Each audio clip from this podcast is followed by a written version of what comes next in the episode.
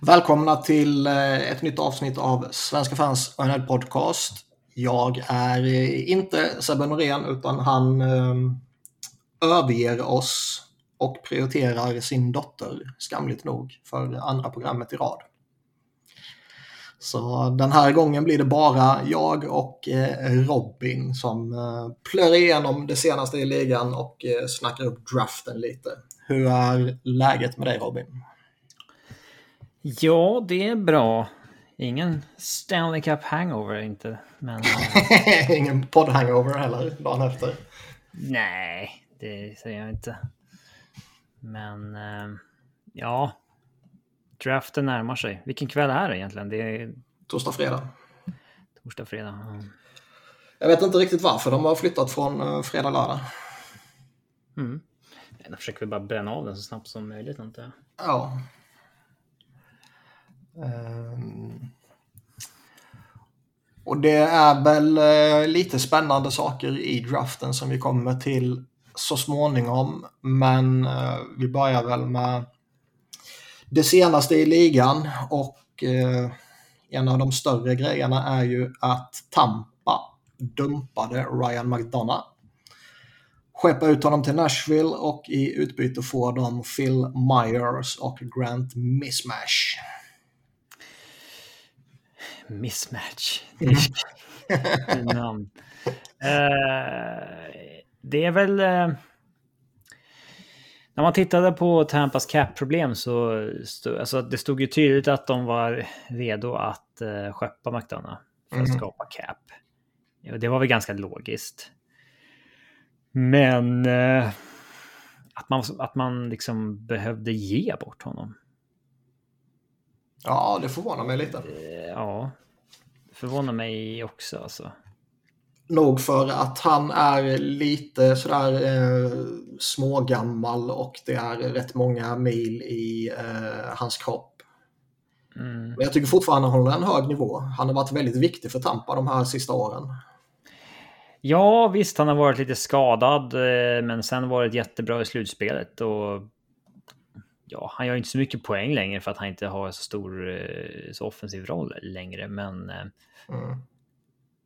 Ja, jag förvånas över att han eh, inte var higher in demand när han hamnade på marknaden. Du vet när Stanley Cup winner och sånt där. De, de hålls ju alltid extra högt och han har ju gott rykte redan från början.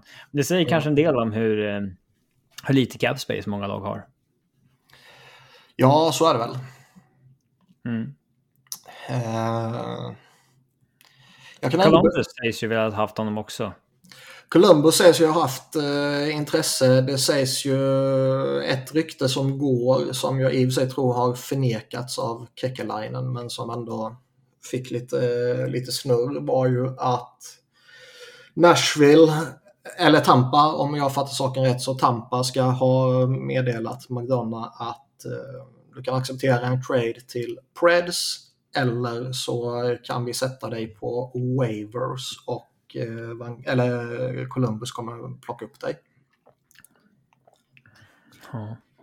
Waivers alltså, det hade varit... Ja. Det är lite ovärdigt. Jag är förvånad att han inte var... Man trodde nästan att det var... Du vet så här när man har sämre lag eh, som egentligen inte är redo vill att ändå slänga upp en second rounder och en OK prospect för att säga, nej men det här är en bra ledare att få in när vi rebuildar. Mm. Typ som Detroit gjorde förra sommaren med Nick Leddy. Ja. Eh. Han är, han är ju 33, han fyllde 33 här i juni. Han har ytterligare fyra år kvar på 6,75 miljoner. Det är ju inte... Hade inte, Detroit varit ett, hade inte Detroit varit ett bra alternativ nu? Jo. Sätta honom med Sider i två år typ. Jo, jag håller med. Jag tycker det finns eh, en hel del av de här lite, eh, lite sämre lagen, Anaheim typ liksom. Som rimligtvis har, har massvis med capspace och som kan behöva någon form av föredöme och ledartyp och, och, och spelare som kan, kan bidra. Eh, ja. Vi fick en lyssnarfråga här om honom Eh, är det rimligt att en spelare med no movement-klausul kan wavas och plockas upp av vilket lag som helst? Borde han inte bli kvar oavsett, om jag förstod det rätt, var det planen mellan Tampa och Columbus? Jag vet inte exakt vad no movement-klausul innebär. Det innebär no inte... movement innebär ju att man inte kan sättas upp på waivers utan tillåtelse. Men McDonough har bara no trade. No. Så no movement är ju full och no trade är ju bara för trade. Så jag tror eh, han har missuppfattat klausulerna här. Ja. Men ibland ser man ju spelare som har no movement-klausul och typ en delvis no trade. Ja, jag vet inte. Vad fan innebär det då? Jag vet inte. Det är en jävla soppa det där alltså. Till exempel Eric Johnson, han har ju en no movement-klausul och en modified no trade. Mm. Ibland kan det vara att de förändras under kontraktets gång, men att det kanske inte är tydligt exakt Ja, hur. alltså Cap Friendly har ju inte detaljerna officiellt, utan mm. det är ju vad som... Eh, ja, vad som eh, läcker. Typ. Och detaljerna kring de där verkar ju läcka allt mindre eftersom där sitter ju bara lagen själva på informationen. Det går inte via någon central registry och sådär, vilket vi blev varse med den här Dadonov-soppan. De har ju, eller de kanske inte har ännu, men de ska ju i alla fall införa något sånt centralt. Ja, nu när de fuckade upp. Lagen kunde uppenbarligen inte hantera det här själva. men um, jag, jag har svårt ändå att tänka mig att det stämmer det här med waivers-ryktet. Nej, det kör man väl en trade i så fall, eller? Ja, alltså ja, han hade ju Columbus på sin no trade-lista i så fall ju. Mm. Men, men... Uh... Ingen vill gå till Columbus, stackarn. Nej, men framförallt så är det ju... Uh Alltså jag, jag, kan ju beundra det här känslokalla i att man behöver ta de tuffa besluten. För det tror jag det var för Tampa. Att dumpa mm. iväg honom. Jag tror det var ett väldigt tufft beslut för dem. Jag känner lojalitet mot honom och allt han har genomgått de senaste åren. Och han är fortfarande bra och användbar som sagt. Så jag kan beundra den känslokalla inställningen och bara dumpa iväg honom sådär. Däremot är det ju väldigt ovärdigt att, att lägga upp det där hotet om Waivers och Columbus. Så det, det finner man ju faktiskt lite eh, osannolikt. Och Kekkelainen ska ju som sagt ha förnekat det också. Det behöver inte betyda ett skit, men... Uh... Mm. Och jag menar, det är ju ingen som säger att bara för att uh, han sätts på waivers och Columbus lovar att plocka upp honom så det är ingenting som säger att det är där han hamnar. Nej. Um, så det öppnar ju upp uh, ett litet hål får man väl ändå säga i försvaret hos dem. Det verkar ju som att Phil Myers inte kommer köpas ut. Så det, var ja, det, lite det är ju konstigt. Han har ju det här konstiga upplägget att om han köps ut nu så sparar de ju cap denna säsongen. Ja, de får en cap credit liksom. En ja. bonuscheck. Ja. Cap, eh, och då är det ju jättekonstigt att ett så capstrap lag som Tampa inte vill köpa ut honom. Speciellt när han mm. är på den absurda 2,55 mil cap-hiten. Mm. Alltså då, är det något lag som är liksom superintresserade av att köpa ut honom så borde det ju vara Tampa. Så är det ju. Samtidigt är det något jävla lag som kan få honom till uh, att vinna Norris Trophy om några år så är det väl Tampa. Nej, det är inte. Nej, jag skojar. Men, men uh, det kan ju, alltså man, man tjänar drygt 600 000 kommande säsong och sen så får man en uh, ungefär lika mycket uh, cap penalty då, efterföljande säsong igen. Så det är ju inte överdrivet mycket man tjänar, men Ehm, det skulle ju kunna vara så att man uh, avvaktar helt enkelt och ser vad som behöver göras i övrigt. Ja, fast har man liksom sagt nu att man inte ska köpa ut honom, då, eh, då får man ju stå vid det. Ja, man tycker det. Samtidigt så, jag menar det var bara för några veckor sedan som eh, Bruce Cassidy tydligen ska ha blivit tillsagd att eh, du är kvar och sen gick det några veckor och så fick han kicken. Så jag menar konstiga saker kan ju hända. Mm. Om vi tittar på Preds då. Frågan är ju om det här är en move man gör för att eh, försöka attrahera kvar Filip Forsberg eller om det här är eh, så att man blivit medveten om att eh, Forsberg kommer testa marknaden och då har vi, kan vi spendera de här pengarna på McDonough istället.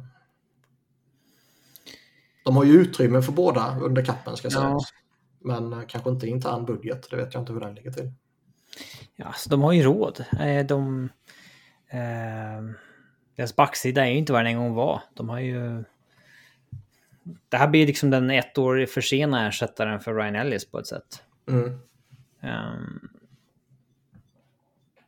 det hjälper nog Forsberg att stanna lite. Eller? Det kanske bara handlar om pennies and dollars för honom. Ja.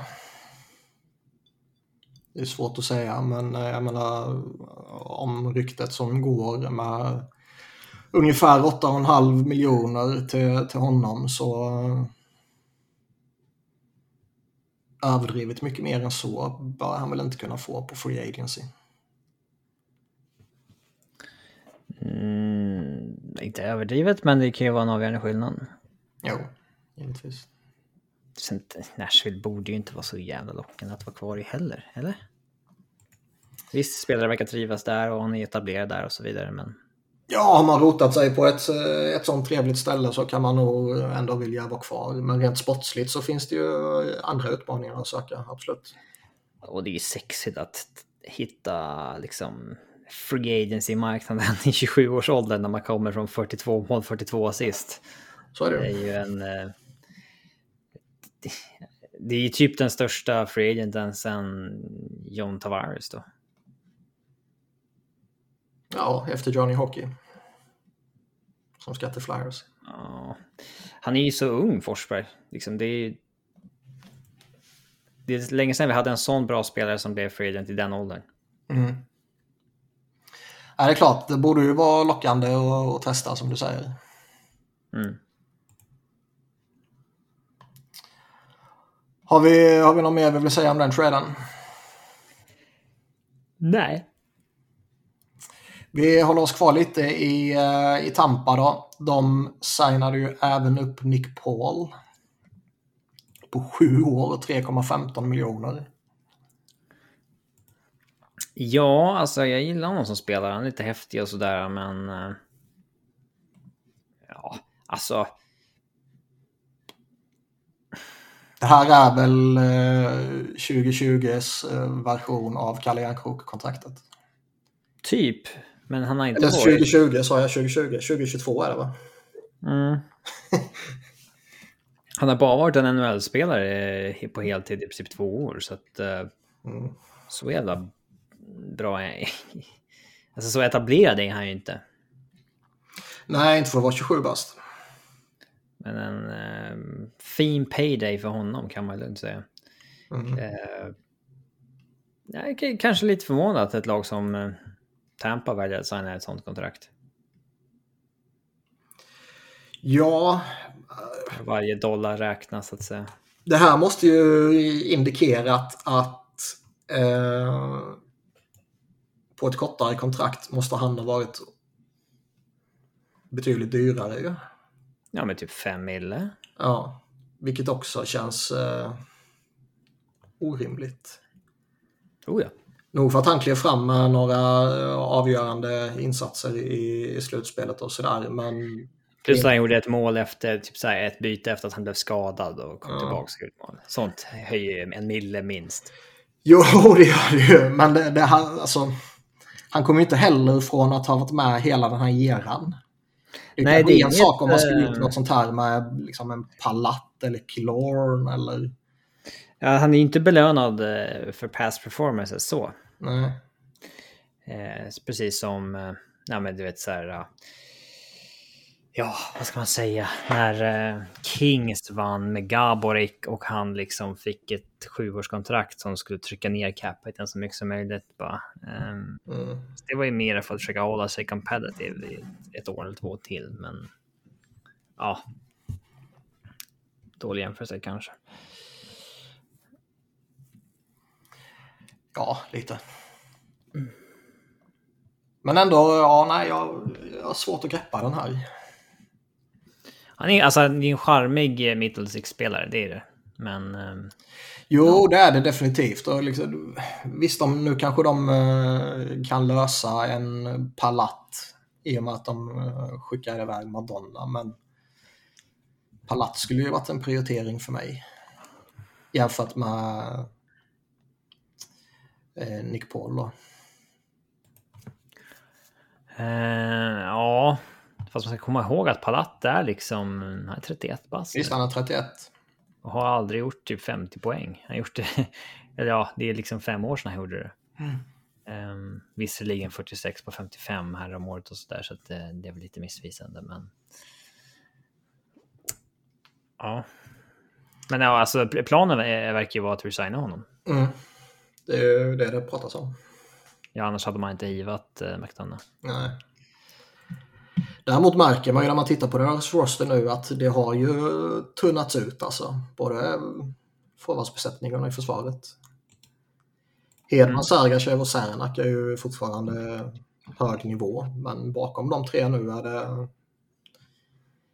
inte överjävligt direkt. Och samma sak bakom deras offensiva core. Nu är det ju, det är ju dina stjärnor och din core du vinner med. Så fortsätter de bara omgärda dem med användbara spelare liksom, så kommer de fortfarande utmana givetvis. Men eh, det är fan anmärkningsvärt jämfört med vad man hade bara för ett par år sedan. Ja. Vi eh, hoppar vidare och vi byter kust till Vancouver där eh, Brock Boser har signat nytt. Tre år, 6,65 miljoners cap hit. varit lite eh, trade-rykten kring honom. Ja, men det här blir väl någon sån här gyllene mellanväg där. För han är ju inte så bra att man vill ha en sån här kille på ett 7-8 års kontrakt. Mm. Eh, Samtidigt som de kanske inte var riktigt redo att trada honom än. Här blir en sån här gyllene mellanväg där han får ett treårskontrakt och man liksom kan skjuta upp det här beslutet ett år kanske. Mm. Och eh, hur man ska göra. Det handlar inte om att så köpa så många UFA-år som möjligt. Nej, jag tror man vill se lite vad han är för någonting. Ja, ett år till och sen skeppa kanske. För jag tror det, det, jag håller ju med dig att det inte är någon sån här superstar på något sätt. Men det finns ju någonting i honom. Visst, men det är ju en... Uh... Det, det, men det, det, är typ så här, det är Jordan Eberle liksom. Ja, det... jag tänkte säga det. Det är väl en bra komplementspelare att, ja. att, uh, att, ha. Men ingen som du lutar dig på. När han kom in i ligan så kändes det ju som att han kunde vara något mer. Mm. Alltså, då kändes det ju som att han kunde vara den här liksom 35-40 målsskytten. Men sen har ju snarare dalat av och inte gått upp. Visst, han har haft lite off-ice problem i år med familj och sådär. Eh, det är väl någon som har dött här för mig. Farsan då? Ja. Uh, men ja, det är ju inte en first line talent så. Pengarna är väl rimliga, liksom. Det, det spelar så stor roll. Men... Ja, det är ju ändå en, eh, en nyttig spelare. Sen visst, sen så eh, är man är man inte helt såld på vad man har honom, om man vill eh, kolla lite var han står, så är ju kanske eventuellt då nästan 7 miljoner lite mycket för, för det. Men eh, samtidigt så 6,5-7 miljoner, det är inte så jävla mycket idag. Nej, alltså man kan ju vara kvar lite i att eh, eh, att det liksom är, det är inte first line pengar längre. Mm. Ja, det har vi pratat om och det är svårt att ställa in det i huvudet känns det som. Men vi, vi hoppar vidare till Buffalo som har signat upp Craig Anderson och jag vet inte om det finns så värst mycket att säga om det utöver att de uppenbarligen... Dubbla sin lön. Han dubblar sin lön ja och uh, Sabres går uppenbarligen hårt som fan efter Connor Bedard. Det är en ja. anledning till att ha honom. Ska de dessutom komplettera honom med Dustin Tokarski igen så råder det ingen tvekan om vad deras ambitioner är med kommande säsong. Sen är det ju lite snack om att Buffalo typ värdesätter hans ledaregenskaper och han är nyttig i omklädningsrummet och bla bla bla. Och visst, det kan han säkert vara, men uh, det är ingen bra målvakt längre. Han är, alltså hans siffror är ganska bra för att vara det.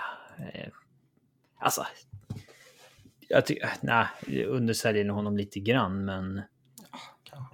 Eh, Alltså det, det, är klart att det, det är inget... De resignar inte honom i hopp om att de ska ta nästa steg kommande år. Nej, det var det jag sa också. De signar inte honom heller i, i hopp om att tanka tror jag, utan för han kommer från en bra säsong. Men... Eh, ja. Ja, alltså hans underliggande är bra. Räddningsprocenten är dålig. Han spelade i, i Buffalo, men... Eh, alltså, det är väldigt bra för att vara 41 bast. Ja, visst, allt är väl relativt. Mm. Men det, det, är ju inte riktigt heller en sommar att eh, visst om man är i Buffalo så kanske man eh, man har ingen chans på Ville Huso.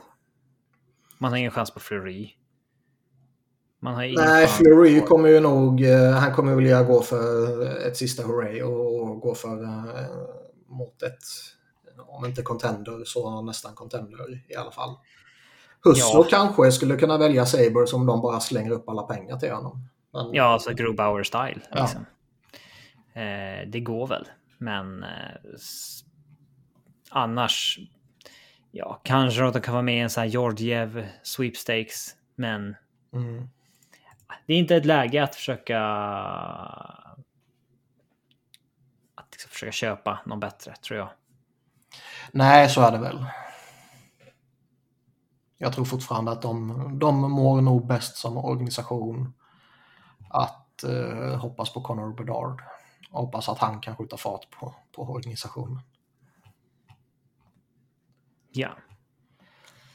Eh, vad har vi mer? Vi har Casey DeSmith som har signat ett tvåårskontrakt med Pittsburgh, 1,8 miljoner. Jag vet inte om det är så, så mycket att säga om det. Nej, det är det inte. Backup, backup pengar. De behöver en målvakt ja och eh, sen kommer det i och för sig ut precis innan vi börjar spela in här så är att nu ska Pittsburgh vara, vara nära ett treårskontrakt med Chris Letang enligt Pittsburgh Media. Och det är väl inte orimligt att det löser sig med honom. Desto mer intressant är det ju med Malkin som vi pratat om tidigare. Ja, den, eh, eh den verkar ju vara Alltså det verkar ganska luta åt att han, att han inte blir kvar nästan. Det är ju den känslan man får. Mm. Och det är ju anmärkningsvärt. Ja, han har man ju svårt att se i något annat lag verkligen. Ja. Um, det skulle ju, alltså tänk om Ron Hextall skulle blivit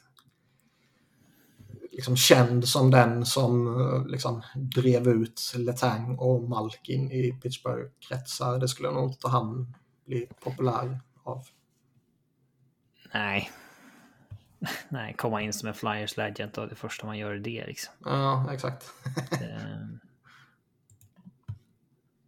ja. Vi har ju en big move i Colorado också. Andrew Cogliano blir första spelare att förlänga. Ja, den förvånade mig lite för att det var så dyrt. Ja, ett år 1,25 miljoner. Det är lite i... Uh, I en race från förra året. Ja. Jag trodde väl att uh, Avs skulle vara det laget där sådana där spelare tar liksom minimum för att få vara kvar. Ja, men lite Toronto-stil. Ja, så det förvånar mig lite. Jag hoppas att det inte går i fällan av att liksom ge någon så här Stanley Cup-bonus till spelare för att de var med och vann. Och, mm. då, ja, men det, det är dumt liksom. Eh, så att, eh, jag är väl helt fine med att han är kvar, men jag hade trott att det var ja, 30-40 procent billigare faktiskt. Det är ganska mycket. Nej, men det var väl lite det man reagerade på. Att... Uh... Det gör ju skillnad nu för tiden. Alltså... Ja, det är skillnad. Har du, har du två sådana kontrakt så man kan lika gärna ha tre, tre spelare för samma pengar. Liksom. Av tradade ju 2 miljoner Tyson Jost mot 725k Nico Sturm inför slutspelet för att skapa sig 1,3 mille. Eh, för att kunna göra andra moves liksom. Så att, sånt där. Det, det, alla lag, eller typ de tio lagen med störst cap har ju liksom under en miljon oftast. Mm. Så att det, det, det kan ju absolut vara avgörande. Det ska bli intressant att se om det innebär att Darren Helm inte får någon plats kvar för att bottom sexan är ju ganska packad med eh, Logan O'Connor, Ben Myers, college-grabben som assignade och som fick spela i slutet på säsongen men inte fick spela i slutspelet på grund av någon konstig regel. Um, Alex Newhook, man signade Lucas Zedlack från KL och eh, sen har man ju OBQ Bell som RFA som jag hoppas att man inte eh, uh, qualifierar för det skulle vara på liksom 1,2 1,3 någonting och det är för mycket för honom tycker jag. Mm. men nej, bottom sexan verkar vara i princip klar. Annars så, det, alltså Avs, Friedman sa ju att Kymper och uh, Niturskin är det man jobbar mest på. Ja, han säger väl till och med att uh, det verkar som att mycket tyder på att Kymper stannar.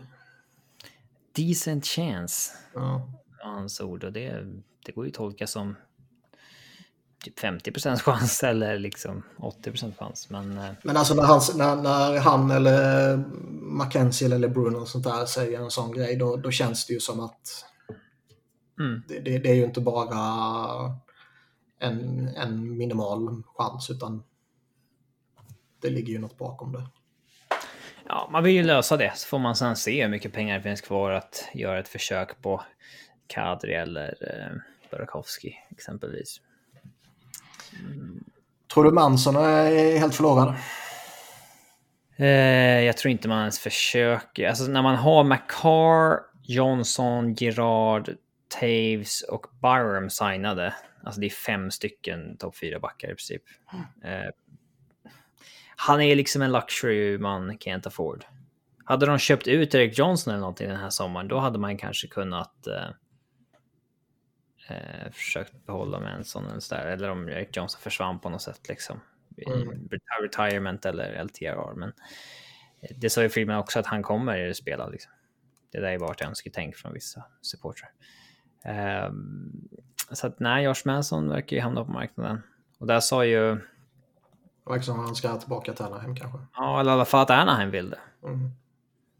Så vi får väl se. Vi, eh, vi går vidare till Edmonton där det sägs de att, uh, att de jobbar på en Jesse Puljujärvi trade och att de uh, är intresserade av Claude Giroux. Mm. De, behöver ju, de behöver ju skapa lite löneutrymme och det verkar ju som att Mike Smith inte kommer spela vidare. Så där tappar de ju, blir de av med med de pengarna ju eftersom de då förmodligen bara sätter honom på long term injured reserve. Men då måste de ha in en målvakt. Japp. Yep. Och eh, Duncan Keith verkar det fortfarande vara lite oklart kring om han spelar vidare eller ej. Uh, Puljojärvi är väl inte uh, den dyraste spelaren direkt om han signar ett nytt kontrakt. Men han kan nog bli lite sådär smådyr ändå tror jag. Tre gånger tre eller där kanske. Ja. Och det kanske är tillräckligt mycket för att ställa till det för dem. Ja, framförallt så verkar de väl vilja göra någon form av symbolisk sacrifice av honom. Ja. Eller åtminstone, åtminstone Edmonton Media. Ja. eh, alltså... Det är han som är problemet. Mm. Enligt media. Eh, Om honom så hoppas man ju verkligen att det blir en sån här tokexplosion. Det hade varit kul. Ja, och det finns ju någonting där. Han har, hans, uh, han har ju rätt... Uh... Alltså han har ju så svinbra underliggande siffror. Ja, exakt. Bara antyder att han har haft extrem oflyt med skyttet. Mm. Det är liksom prime target för ett liksom, analytics-team att bara... Nej, liksom, betala lite lågt för honom i, ja. i traden och sen så se fyndpotentialen. Ja, så att det... Mm. Så nästan var han hamnar så hoppas jag att han liksom exploderar bara för att det ska bli kastat i ansiktet på Edmonton Media igen. Ja, nej, jag skulle ju som sagt, lite beroende på prislappen för att få in honom, så skulle jag ju absolut eh, gå efter honom. Straravelli sa ju att de får inte ett second rounder tillbaka för honom. Ja, fan. Är det mindre än en second rounder, då är det ju bara... Ja, då är det bara att slänga Köra. ansiktet på Holland och... Ja, men så här, om det är en third rounder, snubben är ju i sämsta fall en bra third-liner för dig. Ja, ja, ja. Han, så... alltså det, det, det, är ju en användbar NHL-spelare även om han ja. inte skulle lyfta så att säga. Och han har typ 10 plus år kvar på karriären. Ja. Vad, vad ska du drafta med en, third, med en third round pick som är bättre? Nej, nej, nej exakt. Så det är bara, det är bara att köra i så fall. Ja. Alltså, draftval är ju överskattat. Draftvalen har ju, det har vi sagt tidigare, de har ju ett mer värde som, som trade... Eh, Framförallt second rounders. Second rounders, absolut. Third rounders till, till stor del också. Och, och sena first rounders. Ja. De har alltså, betydligt mer vara... värde i en trade än i faktiskt draftvärde. Titta vad Avs har. Avs har ju inga second rounder kvar kommande tre åren, men vad de har fått för dem. Mm. Det är liksom Devon Taves och Artur Lekkonen. Så. Alltså Artur Lekkonen är liksom 27 år. Han har liksom 7-8 år kvar som en low-end second liner. Oddsen på att din second round pick ens blir en NHL-spelare är väl typ 10-15 procent. Mm. Och då, menar, då är det inte ens att det blir en second, second liner, utan visst, alltså du kan ju inte du kan ju inte, draft, du kan inte hiva alla dina draftval, men när du går förbi första rundan så verkar det inte spela så stor roll om det är second rounders eller sixth rounders. Så att... Nej, eh, så är ju känslan ibland. Och vad fan, det är ju... Din prospect pool kan du också fylla genom free agent signings från um, från Europa oftast. Så mm. det, det, Ja, jag skulle gå hårt efter honom om, om, om den prislappen stämmer. Ja. Det finns fyndpotential där, som sagt. Det pratas ju också lite om att de, eh, de kanske tittar marknaden för Zach Cassian och Tyson Barry. Jag har för mig att det var någon spekulation om Barry och Montreal, typ. Eh, ja. De vill väl plugga igen Webber-hålet, får man väl anta. Mm. Med en annan typ av... ja, men en, en, en, en högerfattad spelare. en högerfattad back som högerfattad back. men... men um... ja. jag, jag, tycker alltså Tyson Berry får ju lite för mycket skit eh, liksom sådär. Men mm. Eh, det är ingen du ersätter Shea Webber med. Nej, men jag tror ju samtidigt inte att... Eh, jag tror inte Montreal ja. kanske nödvändigtvis har ambitionen att... Eh, Vara competitive? Nej. Nej, de vill väl liksom förbättra sig typ så, men eh, det kan väl till och med vara en situation där Edmonton kanske typ pröjsar någon för att ta Barry. Eller åtminstone liksom... Eh, kanske åtminstone inte, kanske lite McDonough, att man ger upp en, en, eh, en spelare och sen får man inget i värde tillbaka egentligen. Ja, eller att eh, de går med på att liksom eh, ni tar Barry och så tar vi ett liksom halvproblematiskt kontrakt tillbaka som är ett år. Mm. Eller någonting. Eh, fan, typ Jake Allen. Mm.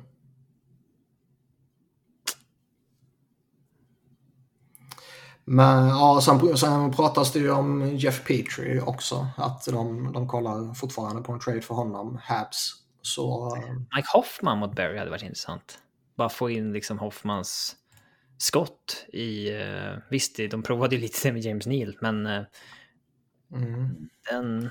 Ja, det hade kunnat varit en win-win för bägge. Ja, vad säger vi om Claude?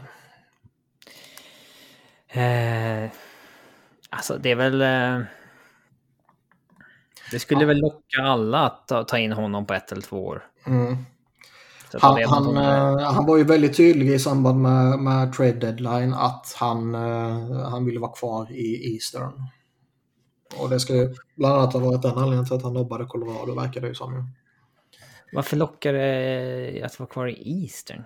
Liksom Resorna är ju oerhört mycket bättre. Ja, men är det typ närheten till där familjen är kvar? Typ, eller vad? Nej, jag tror väl i, i, största allmänhet så är det väl liksom resorna är betydligt mer gynnsamma i uh, Eastern ja, men Western. Och... Efter en trade deadline säsongen ut, det är ju liksom inte... Man skulle egentligen bara spela ett slutspel med ett lag. Ja, det kan ju också vara det här liksom att uh, han har gjort hela karriären i, i Eastern och uh, han kan Eastern. Liksom. Jag vet inte om det är en faktor. Ibland känns det som att det är en faktor för spelarna. Trams i så fall. Ja. Men... Uh...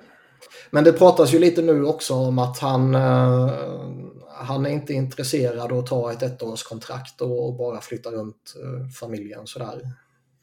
Ja, det är synd. Det hade varit kul att se mm. han vara en sån här cup nu han vill nog ha term någonstans. Um... Han är ju inte så jävla gammal heller som man tänker. Nej, han är fortfarande jätte, jättebra. Och jätte, jätteung. eh, nej men liksom, han skulle kunna signa ett femårskontrakt någonstans och det är ingen större deal egentligen. Mm. Det, det, är ingen big deal, tycker jag.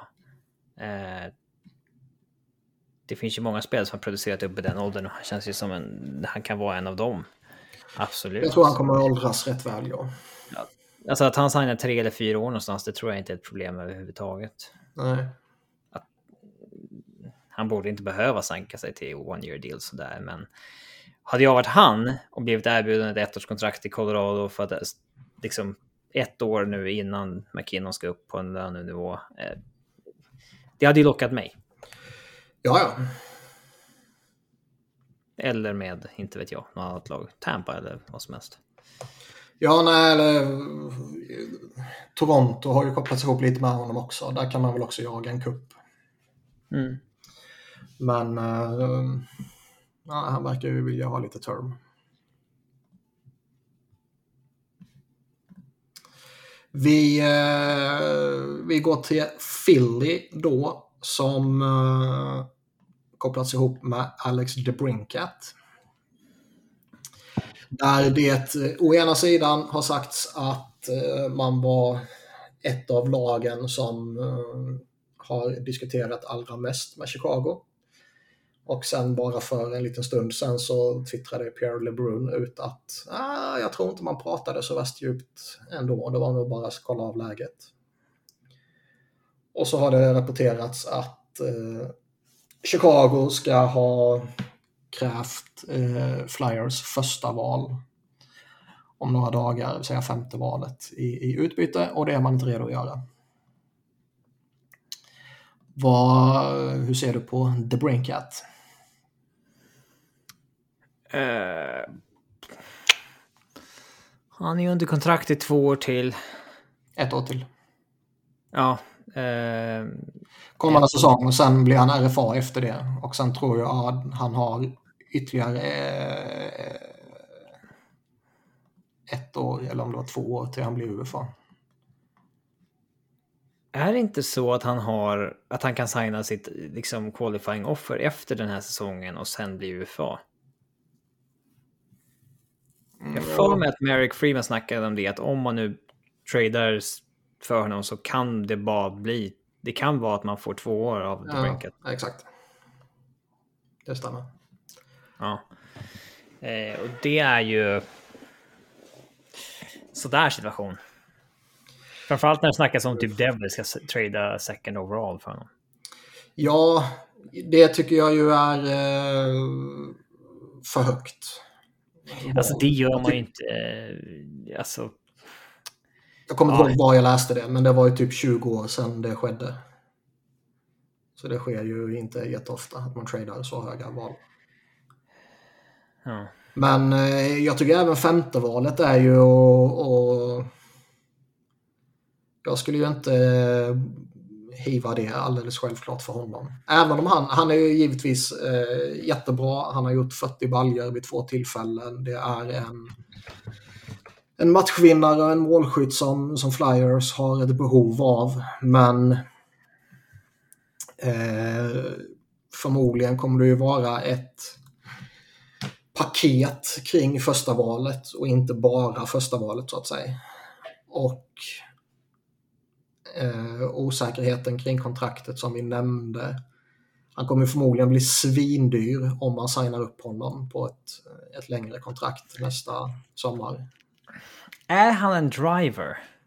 Nej, för frågan är också, kommer han vara en 40-målsskytt eller 40-ish målskytt utan Patrick Kane? Alltså man ska inte överdriva. Han har ju levererat en ganska pissig miljö även om han har spelat med Kane. Mm. Eh, Men Kane är ju ändå en faktor. ja, Kane har ju... Han gjorde, det var ju typ han som gjorde Erik Gustafsson till en 60 poängsmatch. eh, alltså, Kane är exceptionell. Eh, men... Alltså om han går in i Edmonton bredvid McDavid Dreisaitl då smäller det ju också. Jo, men eh, det kan du göra för många spelare. Men liksom Mm. sätt in han i, i Flyers och, och lira han med Sean Couturier så liksom. Ja, Coots är ju en, en, en, en bra center och det är ju en första center och sådär liksom. Men jag undrar om han är rätt center för The Brinkat. Ja. Nej, jag tror inte att det är han som kommer in och gör en första kedja med eh, Couturier och pff, Farabee. Furby när han är tillbaka efter sin Ja. skada eller eh, Atkinson eller Connectney om han är kvar liksom. Det... Ja, nej, alltså det... Jag känner, jag känner ju, i så fall vill jag ju hellre gå efter Johnny Hockey. Om han når Free Agency såklart. Men det vet du att jag förväntar mig. Framförallt så tycker Ja. jag det är liksom... Säg att det ligger någonting i, i rapporten att man har fört djupgående diskussioner med Chicago att en trade eventuellt är nära. Liksom. Så konstigt att göra den nu. Den gör man ju i så fall på draften. När man vet hur topp 4 har gått. Ja, om man inte redan är övertygad om antingen hur det kommer draftas Mm. eller eh, vet att man inte kommer gilla vad som än händer. Jo, så är det väl. Mm. Sen är det väl också lite... Liksom, jag vet inte, ge upp tillgångar, de, de bästa tillgångarna man har nu för en trade när det fortfarande finns en eventuell möjlighet att få bra spelare på, på Free Agency är... eh, Är Flyers i en situation där man ska hiva first rounders för en spelare? Alltså, nej, ska man göra det då ska det vara något exceptionellt. det kanske inte Brinket är, men Kanske, kanske inte.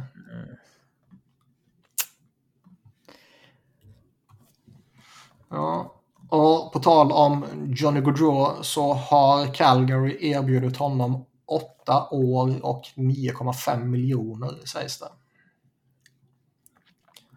det är ett bra bud ändå. Har man eh, fått ett sånt kontraktserbjudande och inte redan signat så är det ju lite anmärkningsvärt.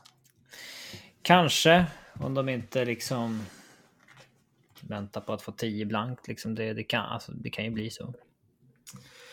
Jo, visst, men ehm, det kanske bara är Flyers-dåren i mig. Men får man det erbjudandet om man inte signar så kanske man har siktet inställt på något annat. Eller i alla fall vill kolla läget med något annat. Mm. Men det är kanske bara jag som övertalar mig själv. Vet du förresten vilken dag det är idag? Det är den 5 juli. Mm. Det är John Leclercs födelsedag. Så grattis till eh, John Leclerc. Det var en fin spelare. Eh, I Carolina så sägs det att både Tony DeAngelo och Ethan Bear har tillåtelse att prata med andra lag. Mm. Vi har ju RFA-status på båda två har jag för mig. I alla fall DeAngelo. Ja, och Bear Ja. också. Mm. Det är konstigt att RFA-statusen liksom återaktiveras när någon har varit UFA redan. Mm. Det borde den typ inte gö- göra, tycker jag. Nej, men eh, det finns väl specia- speciella eller specifika regler för utköp antar jag. Ja, det är bara åldersbaserat och Ja. antal säsongsbaserat. Ehm, Ethan Bear är en sån där spelare som jag eventuellt skulle kunna chansa på.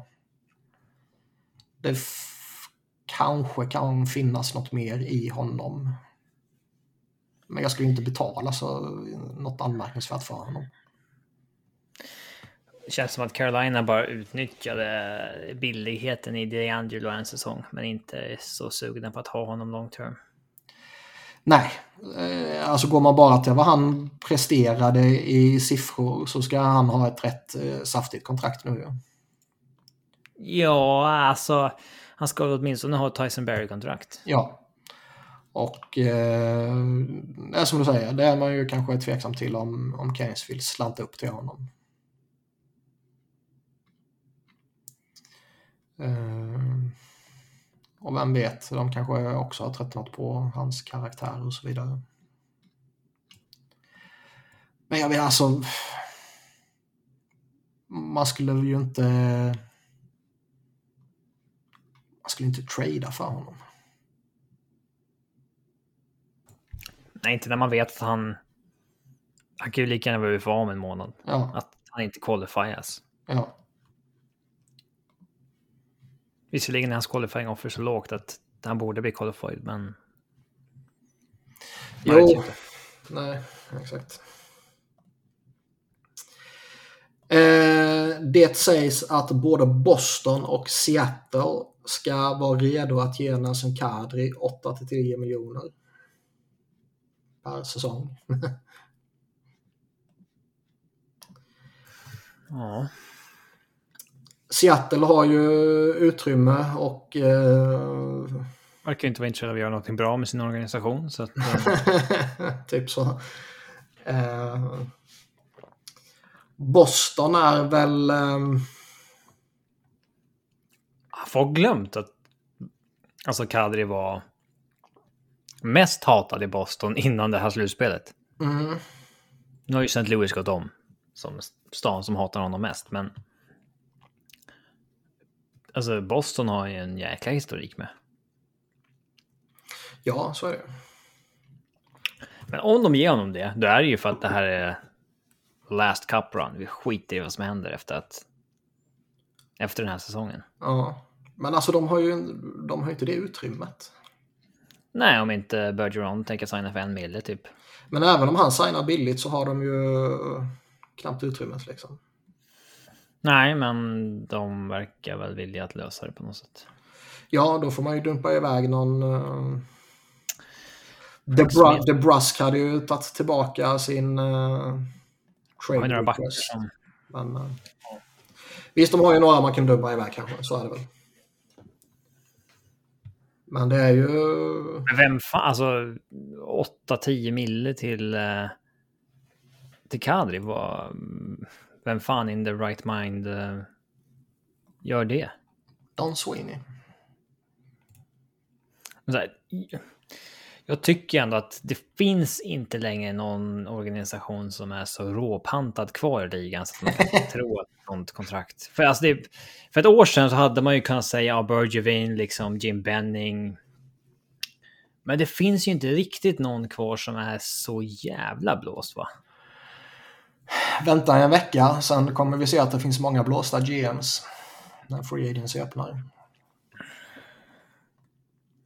Det känns ju som att de blir lite smartare för varje år ändå. Alltså det, det blir lite mindre... Jo, så är det. Det, det håller jag med om. Men, men det är ju...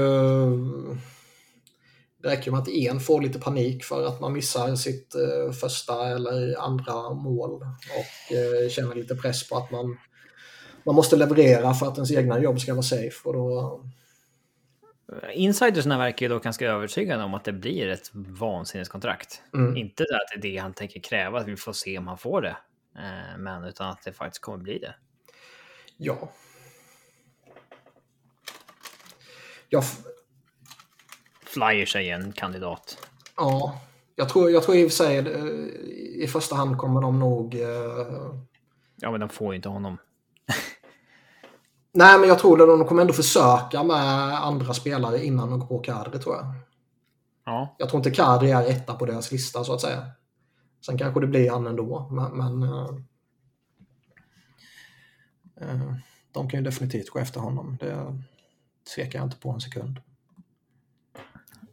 bra kandidat för att få panik också. Om de nobbas av ett par. Chuck Fletcher, om han inte eh, reder ut sin eh, aggressive retooling som han ska göra denna sommaren, har nog eh, stor risk att bli eh, Så här, alltså han vet ju, eller få sparken uppåt så att säga. Det, det känns ju lite som att Flyers... Eh, de, så han vet ju att det är en dålig idé, Fletcher. Och han Ja. har ju en historik av tålamod. Man vet ju att hans seat is burning om han inte liksom... Han måste go for it, liksom göra någonting. Så är det. Och Flyers groomar ju Danny Breer. Han, Danny Breer kommer ju ta över efter Chuck Fletcher, det är jag helt övertygad om. Frågan är bara om det blir om ett halvår eller om Tre år. tre år. Ja. Ja. Eh, och det tror jag mycket avgörs om, av vad som eh, händer och eventuellt inte händer denna sommar. Känslan utifrån är ju att vi kommer få två, tre år av mediokritet med Chuck Fletcher och tårtan, kanske något bubbelslutspel. Eh, Ja, Och sen kanske blir tar över och då ska sälja av de här backend delarna av de här kontrakten man har skrivit på Codes och Hayes. Och... mm. ja nej, jag säger inte emot. Och det kan man ju tycka vad man vill om, men deras plan är ju att vara aggressiva nu. Ja. Ehm, Kul att Ivan Fedotov står med på Cap Friendly på Flyers. vad sa du? Kul att Ivan Fedotov står med på Cap Friendly liksom i A-laget i Flyers med Carter Hart. Ja, det var ju Planen. planen. Vi kommer väl återkomma till honom, men vi stannar kvar vid lite rykten och sånt så länge och går till Florida som jobbar på att förlänga med Mason Marshment. Och det är väl rimligt, men gör man det så kanske man får offra lite annat. Då är det kanske både... Vilken pengar han pyr till. Ja, han kanske ligger pyrt till, men även eh, liksom en Claude Giroux eller Ben Sherratt och sånt där kan ju... Det sägs väl att de eh, försöker dumpa Bobrovski också, va? Det har väl varit lite... eh, Tystare senaste veckorna, men... eh, Lite tystare och lite tudelat. Å ena sidan så har det pratats lite om det och å andra sidan så har jag läst något om att nej, det stämmer kanske inte. Eller att de kanske själva liksom förnekar det, men det kanske man vill göra utåt innan något är klart. Ja. Eh, eller alltså så här, de kanske undersökte möjligheten för varför skulle man inte undersöka möjligheten? Ja, Men kom fram till att det kommer vara för svårt. ja exakt. Du ska retaina, du ska ta ett dåligt kontrakt tillbaks. Du ska betala first rounders kanske. Man måste övertyga honom också. Ja, eller ja, han har ju bara en mummelklausul, vad nu det innebär. Så att Ja, no move är ju full protection. Ja, det verkar ju så. Alltså, med det som vi snackade tidigare. Han har ju en modified no trade och no move senare år, mm. så vad är skillnaden? Nej, så är det väl. Men vad hette det? Um, man kommer inte kunna lösa allting. Och ska man prioritera någonting så kanske det är rimligt att prioritera Marchment. Ja, men uh, då måste något bort. Och då... Uh, Duclair ligger väl alltid pyrt till för att han är Duclair. Uh, han är ju borta halva säsongen. Ja. Trasade ju hälsenan var det va? Ja. Och han missar, och det, det är väl eh, frågan är om det är positiva eller negativa nyheter att han missar halva säsongen. För skulle han missat hela säsongen så man kan eh, kutcha på honom in i slutspelet så, så är det ju 3 miljoner man sparar där. Mm. Som man kan utnyttja. Så det, det kan väl eventuellt ställa till det lite för dem. Ja. Vi uh, har Washington som ska vara intresserade av JT Miller och där ska det ju finnas lite frågetecken kring uh, hur, när, om och var Niklas Bäckström kan spela igen. Typ. Ja du, höftoperation i den åldern. Uh, man har inte riktigt vant sig med att Niklas Bäckström är så gammal som han är. Mm.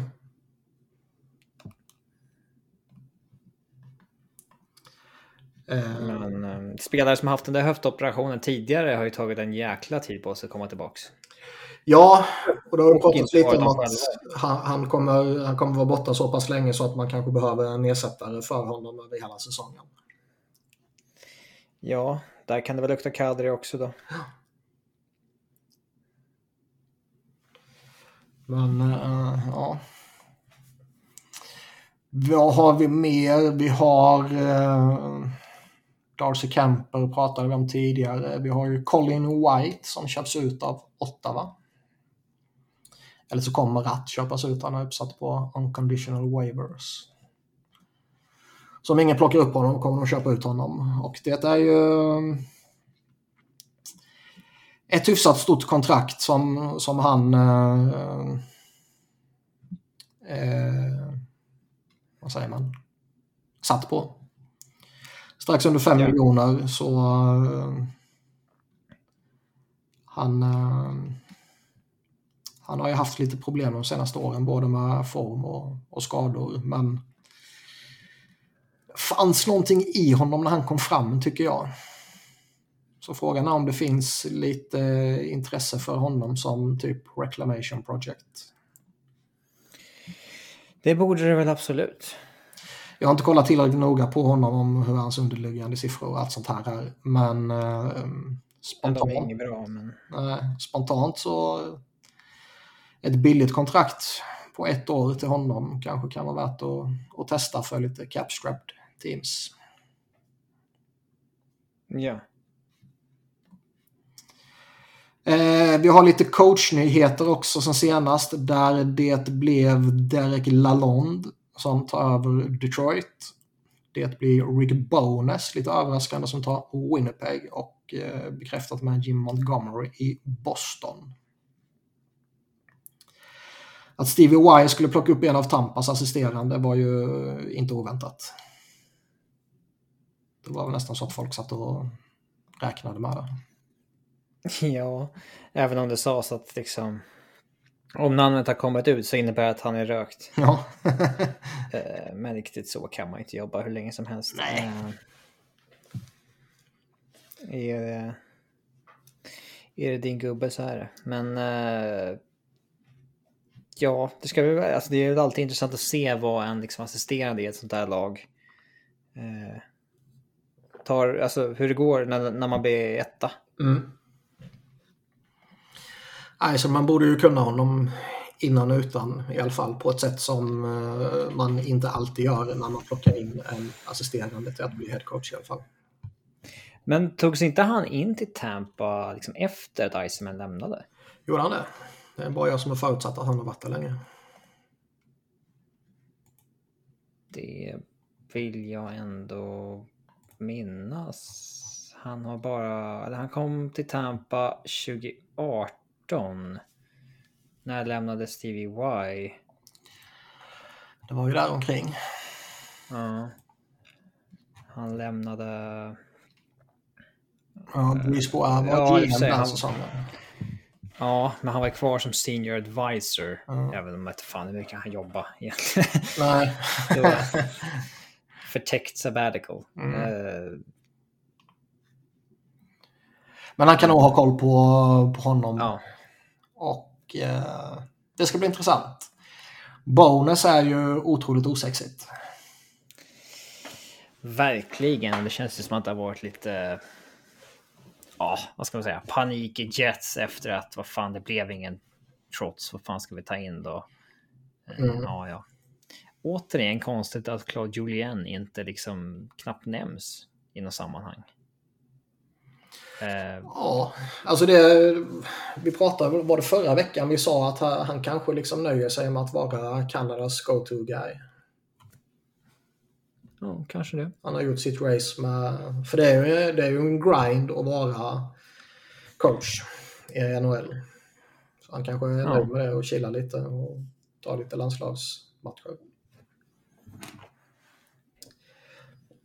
Eh, Friedman och Merrick pratade ju lite om att eh, Bonus kom ju in i Dallas efter Jim Montgomery när han fick, eh, fick gå där och, och fick lite ordning på, på det bygget när det var kaosartat där och nu är det kaosartat i Winnipeg med en Mark Scheifele som eh, det ryktas om, en eh, Blake Wheeler det ryktas om, en Dubois som det ryktas om. Och lite allmänt kaos är det nog efter en rätt stor eh, besvikelse i gångna säsongen. Jag skulle inte säga att det är någon liksom identitetskris i Winnipeg, men ändå lite så här, okej, okej, vart står vi egentligen? Är vi ett lag som ska gå för det? Är vi ett lag som ska börja sälja av? Liksom bara Eh, ja, vad gäller? Liksom.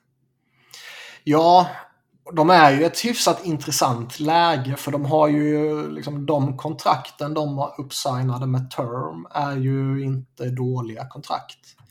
Utan det är Kyle Connor på, på 7 miljoner. Det, det är en bra deal. De har Josh Morrissey på, på drygt 6 miljoner och det tycker inte jag är dåligt. Sen så är det ju två eller tre år på de andra dyrare kontrakten.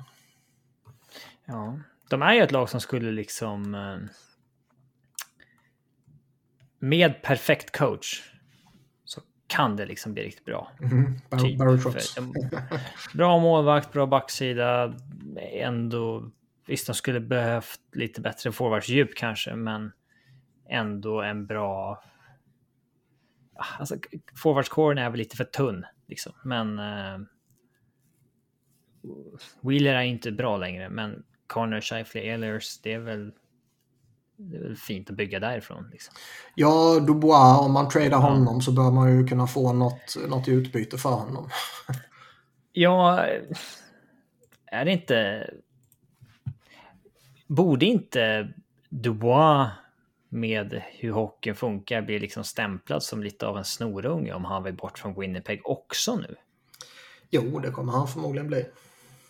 Eller Om det inte är som vi sa, att liksom han vill hem till Montreal och då är det lite charmigt. Ja, eller är det okej för en good Canadian boy att liksom... Hade han varit ryss hade det ju varit en annan grej. Oh, ja. Ehm. Men jag, ja, jag, som, som, som jag börjar på lite där. Jag tycker Winnipeg är ett intressant läge och det är kanske egentligen inte fel att ta någon veterancoach för att eventuellt lugna ner det lite och se var, var man tar vägen innan man kanske om ett år eller två beslutar sig för liksom fortsatt satsning och förlängning av vissa kontrakt eller börja montera ner det här lagbygget för att bygga nytt. För då är man liksom, Connor Helleback, han har två år kvar. Eh, Mark Scheifele två år kvar. Ehlers tre år kvar. Blake Wheeler, om man inte blir av med honom, två år kvar. Nate Schmidt, Neil Pionk, tre år kvar. Så det, ja, man kanske är lite en sån här intressant vägval om ett år eller två. Och då kanske man bara ska ta sig dit under kontrollerade former med tanke på var man kommer ifrån. Mm. Montgomery har jag för mig vi pratade om förra veckan när det ryktades att han skulle komma in bara. Ja. Eller? hur som helst, det är en sån här coach som man inte känner någonting för. Nej, men det är ändå en coach yeah. som, eh, som jag tycker liksom av alla coacher som du vet får sparken för att något har hänt så är det väl typ han en sån som ja, kan förtjäna en andra chans. Han fick ju inte kicken för att han var liksom, en mobbare som Babcock eller coach Q eller något sånt där utan han var ju... Han har varit som ass i St. Louis också efter det. Så att ja, konstigt att han fick liksom sparken på grund av alkoholproblem, men så har han ändå jobbat sedan dess.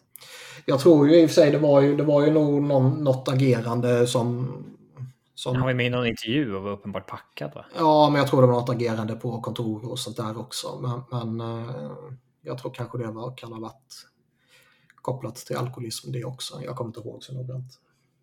Mm. Hellre han än uh, Quinn i alla fall.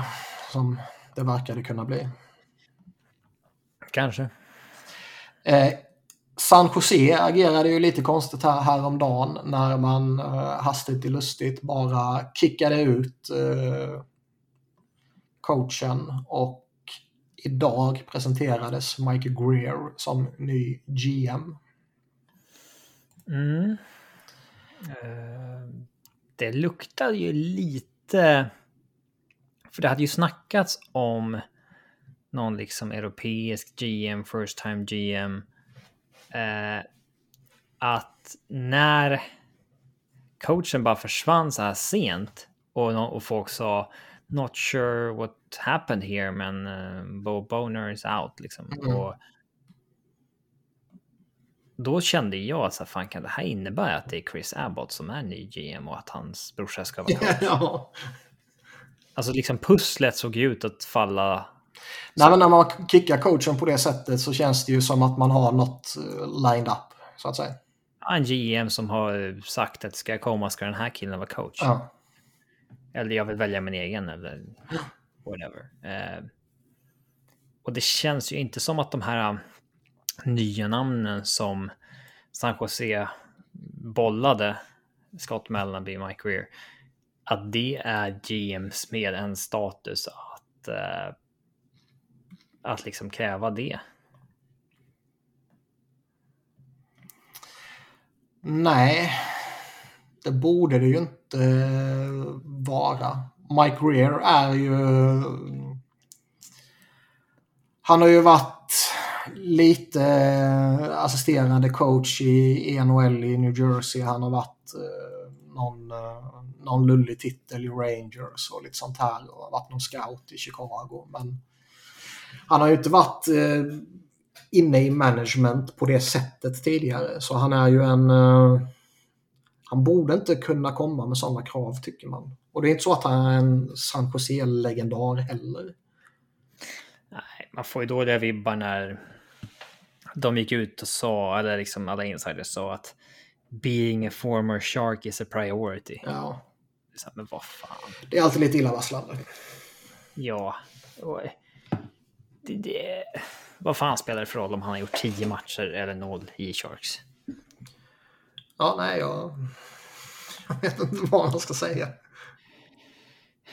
Det är inte som liksom europeisk fotboll eller europeisk sport där eh, klubbarna kan funka väldigt olika och det är viktigt för supportrarna att det finns folk i leden med liksom en historik och koppling till klubben för att det är i grund och botten supporterna som bestämmer i medlemsägda föreningar och så vidare. Mm. NHL, det är ju liksom samma skit vart du än jobbar. Liksom det, det, spelar ingen roll om du har koppling till klubben eller ej där.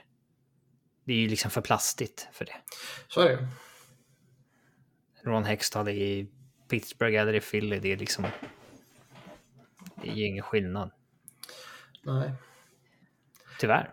Han är ju lite intressant, Greer, så tillvida dock att han har ju management i eh, släkten. Blodet. I blodet, ja. Ja. Hans, eh, hans brorsa är ju det i eh, någon annan av ligorna. Jag kan ju inte det där skiten liksom. Um, Någon form av amerikansk sport. någon amerikansk sport, ja. Ska väl också sägas att han är historisk som första, uh, första svarta uh, GM, vilket ju är uh, en milstolpe. Mm. Men det ska, ja, han pratade ju lite om, uh, om behovet att skaka loss lite lönekostnader. Så frågan om det första han gör är att gå in på kontoret och, och be ägaren skriva ut en check till Vlasic för att köpa ut honom. Ja. Eller om man kommer jobba på en Carlson Burns trade.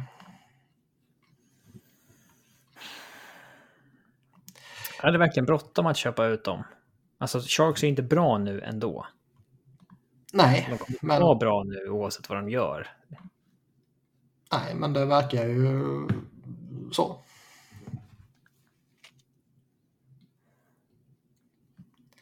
Man kanske behöver eh, känna att man behöver försöka sig på någonting nu innan de går ner sig ytterligare ett steg. Kanske. Vi, vi är ju ibland lite för, eh, vad ska man säga, hårda med att antingen så är man tillräckligt bra för att vinna och ska gå för, go for it, eller så är man inte tillräckligt bra och borde inte satsa alls. Men det är jättemånga organisationer som är i det här mellanskicket och bara vill bli bra och tänker att en värvning kan göra avgörande skillnaden. Rätt coach kan göra den avgörande skillnaden. Och Ja, och så tittar man tillbaka där, på... där är väl det, liksom. Ja, och så tittar man tillbaka på de senaste åren där Dallas och Montreal har varit i final. Ja, Tänker att det kan vi eh, också göra. och ja. Alltså Calgary innan den här säsongen. Mm. Var ingen som trodde att de hade... Ja, men det fanns inte mycket att hämta där. Alltså, rätt coach in och allt klickar. Mm. Det, jag hoppas att San Jose att de också ska göra. Vi, eh, vi går över till lite mer dystra nyheter. Vi, vi nämnde ju Ivan Fedotov tidigare. Och eh, de flesta har väl på något sätt hört hans namn svepa förbi oavsett om man har följt hela situationen eh, mycket eller lite. Men eh, det är ju så sjukt som man, man vet ju inte fan vad man ska säga. Han har ju blivit omhändertagen av ryska myndigheter. Ska jag säga vem han är? Han är alltså en målvakt som spelade i KL gångna säsongen. Hans kontrakt har gått ut med CSKA Moskva och då har han skrivit på för Philadelphia Flyers. Han var väl typ Rysslands målvakt i VM, va? Var han i, i VM var de inte med. Nej. Någon i OS. Ja, ja. Han, eh, han har varit skitbra denna säsongen. Flyers, han är ju Flyers draftad också så han var inte signad som free agent heller. Eh, han har varit skitbra denna säsongen. Han vann eh, KHL. Var, var bra i slutspelet där också. Han, eh, han var målvakten för, för Ryssland i, i OS som sagt. Och eh, det är ju ingen... Eh, alltså det, det, det, var ju ingen... Det var ingen supertalang på det sättet givetvis, men det var ändå en, eh, en toppmålvakt i Europa. Så det är, det är ju någon i, i Ryssland får man ju ändå säga. Det är inte bara någon nobody. Uh, och han ska då ha blivit omhändertagen av myndigheterna anklagad för att uh, försökt smita undan från militärtjänstgöring i och med hans uh, ja, kommande då flytt till Philadelphia. Myndigheterna ska ju ha plockat upp honom utanför en uh, träningsanläggning i Sankt Petersburg där han uh, jag greppade aldrig riktigt vad det var, om det var någon dokumentär eller något nyhetsinslag eller vad det var som han hade medverkat i och eventuellt tränat i samband med det också. Men de hade ju stått på parkeringen utanför och typ slängt in honom i en bil och dundrat iväg liksom. Tagit honom till värvningskontoret och där ska han eh, kollapsat på något sätt. Naiv som man var så tänkte man ju att eh, oj, där kom ju stressen och pressen av att hamna i den situationen eh, över honom och, och gav någon mental kollaps. Men eh, sen har det kommit fram rapporter om att han har typ blivit drogad. Ju. Så tog de till honom till sjukhus och när han hade återhämtat sig där sen så uh, skeppade de ju iväg honom till uh, militärbas uh, norröver. Murmansk eller något sånt, alltså det är liksom... Ja, typ. Norr, norra Ryssland liksom, där det knappt finns befolkning, men en militärbas. Ja, och sen så, det var ju till och med, nu är, nu är väl senaste snacket att han han ska göra sin militärtjänstgöring nu i ett år och att eh, han därför kommer missa kommande säsong.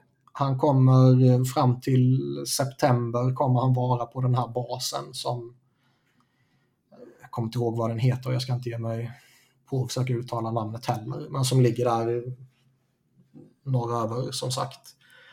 Och till och med snack om att han skulle eh, efter det flyttas till en bas som ligger på någon ö ute i eh, Vad heter det Nordhavet? Nej, vad heter det? Ja, där uppe i alla fall. Och eh, det har ju kommit fram rykten om att det eh, att det är eh, klubben som har anmält honom som typ eh, hämnd för att han överger dem. Ja, vi sticker till NHL, ja. Vad sa du? Ja, för att han sticker till NHL. För att han sticker till NHL, ja. Och eh, det har ju nu också börjat cirkulera lite uppgifter att eh, andra spelare som har spelat för CSKA Moskva. Bland annat Ilja Sorokin, eh, Islanders eh, målvakten kan ha, eller få problem att lämna Ryssland av samma anledningar. Dennis Gurjanov var en annan som nämns också. Och det var ju när man först hörde om Fedotov här för eh, fredags var det väl. Så var det ju, dels börjar man ju såklart fundera över hans eh, situation men även i förlängningen hur det kan påverka andra spelare. Både befintliga NHL-spelare och eh, eventuellt framtida NHL-spelare. Och eh, det lär ju påverka in i draften också. Det var tre ryssar som väntas gå i, i första rundan till exempel. De lär väl Ryssfaktorn är en grej igen.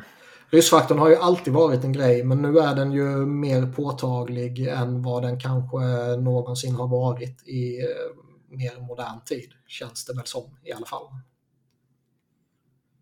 För nu lägger sig ju järnridån över det här jävla landet igen och eh, under Sovjettiden så kunde ju spelarna hoppa av i samband med landslagsturneringar men det lär de ju inte spela framöver, ryssarna. Mm. Så den, den möjligheten för, försvinner väl.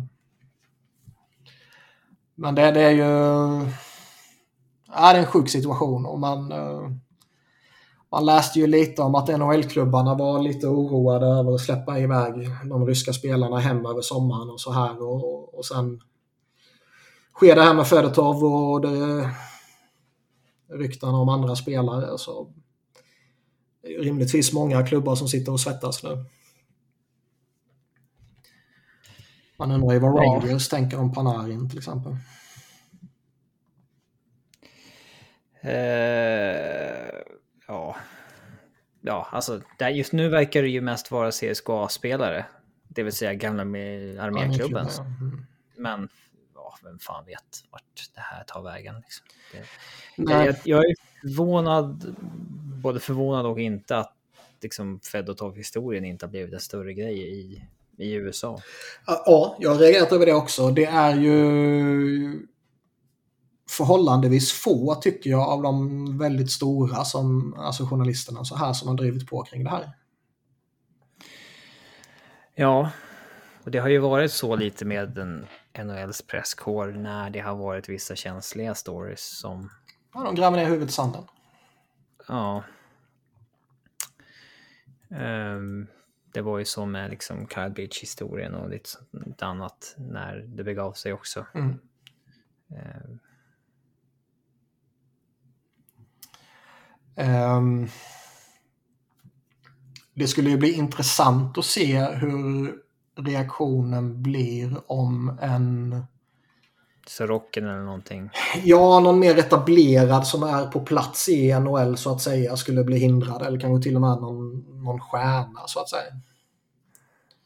Mm. Uh, det finns väl, uh, jag, jag, tror inte Alexander Ovechkin, den här uh, Putin-runkan kommer behöva oroa sig direkt. Och han, han vägrade ju kommentera Fedotov-situationen också. Den mm. jävla skiten. Ja. Så Alexander Ovechkin behöver, han behöver definitivt bli en del av cancel culture. Ja. Men det ska bli det är tragiskt för Fedotov, det är tragiskt om det drabbar andra spelare, men det är ju ändå en, eh, en situation att följa framöver hur det kan påverka andra spelare och hur det kan påverka exempelvis draften. Och eh, då kan vi väl lika gärna gå in på draften. Har du några känslor kring draften? Du som eh, inte direkt har haft de senaste månaderna på dig att eh, sätta in dig i draften. Nej, alltså när ens lag är bra då skiter man ganska heligt i draften. Oh ja. eh, och framförallt när ens lag har tradat bort sitt första och andra och fjärde. eh, så är det Och det ska vara en ganska dålig draftklass. Så att... Nej, då bryr man sig inte eh, särskilt. Jag bryr mig ur ett perspektiv att eh, det ser ut som att vi kan få fyra Djurgårdare som går i första rundan. Det vore ganska unikt. Eh, jag är intresserad av var de hamnar. Det måste ju vara första gången som det är så mycket från något lag väl? Mm, ja, från något lag vet jag inte. Ja, men det, Nej, det kanske inte. Men säg att det blir bara dem, vilket det ju mycket väl kan bli. Ja, då gills ju inte de här US National Team bla, bla program. Nej, jag, jag menar svensk lag alltså. Ja. Eh, ja, det är europeiskt liksom. Ja, så, ja. Det, nej, men det är ju såklart intressant från mitt perspektiv. Ja, och det är ett perspektiv som jag skiter heligt i. Mm. För att ingen av dem är väl... Eh, ingen av dem väntas ju gå där ditt lag ska drafta va? Nej, mm. kanske Jonathan Lekkerimäki är ju liksom... Kan ju vara en reach. Liksom. In, in the neighborhood på, på några rankningar så här. Men, Eller om man tradar ner ja, några platser. Det, det, skulle man ju kunna göra, men uh, jag, jag, tror eh, känslan man får kring Flyers och det lilla som har sipprat ut är ju att de förmodligen kommer gå efter någon av de två topprankade backarna i Simon Nemec eller David Jirisek eller Cather Gauthier. Det är väl det som folk förväntar sig.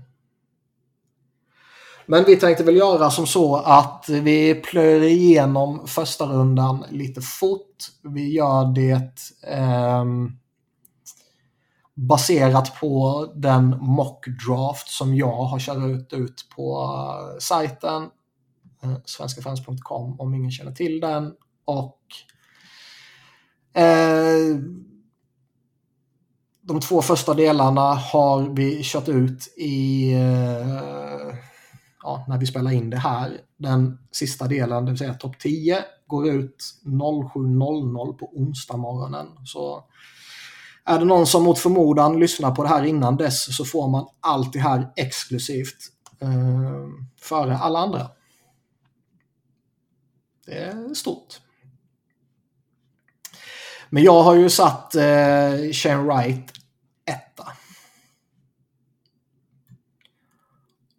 Och det diskuteras ju en hel del om det kommer bli han eller Slavkovski. Men det kommer ju bli en av de två till Montreal.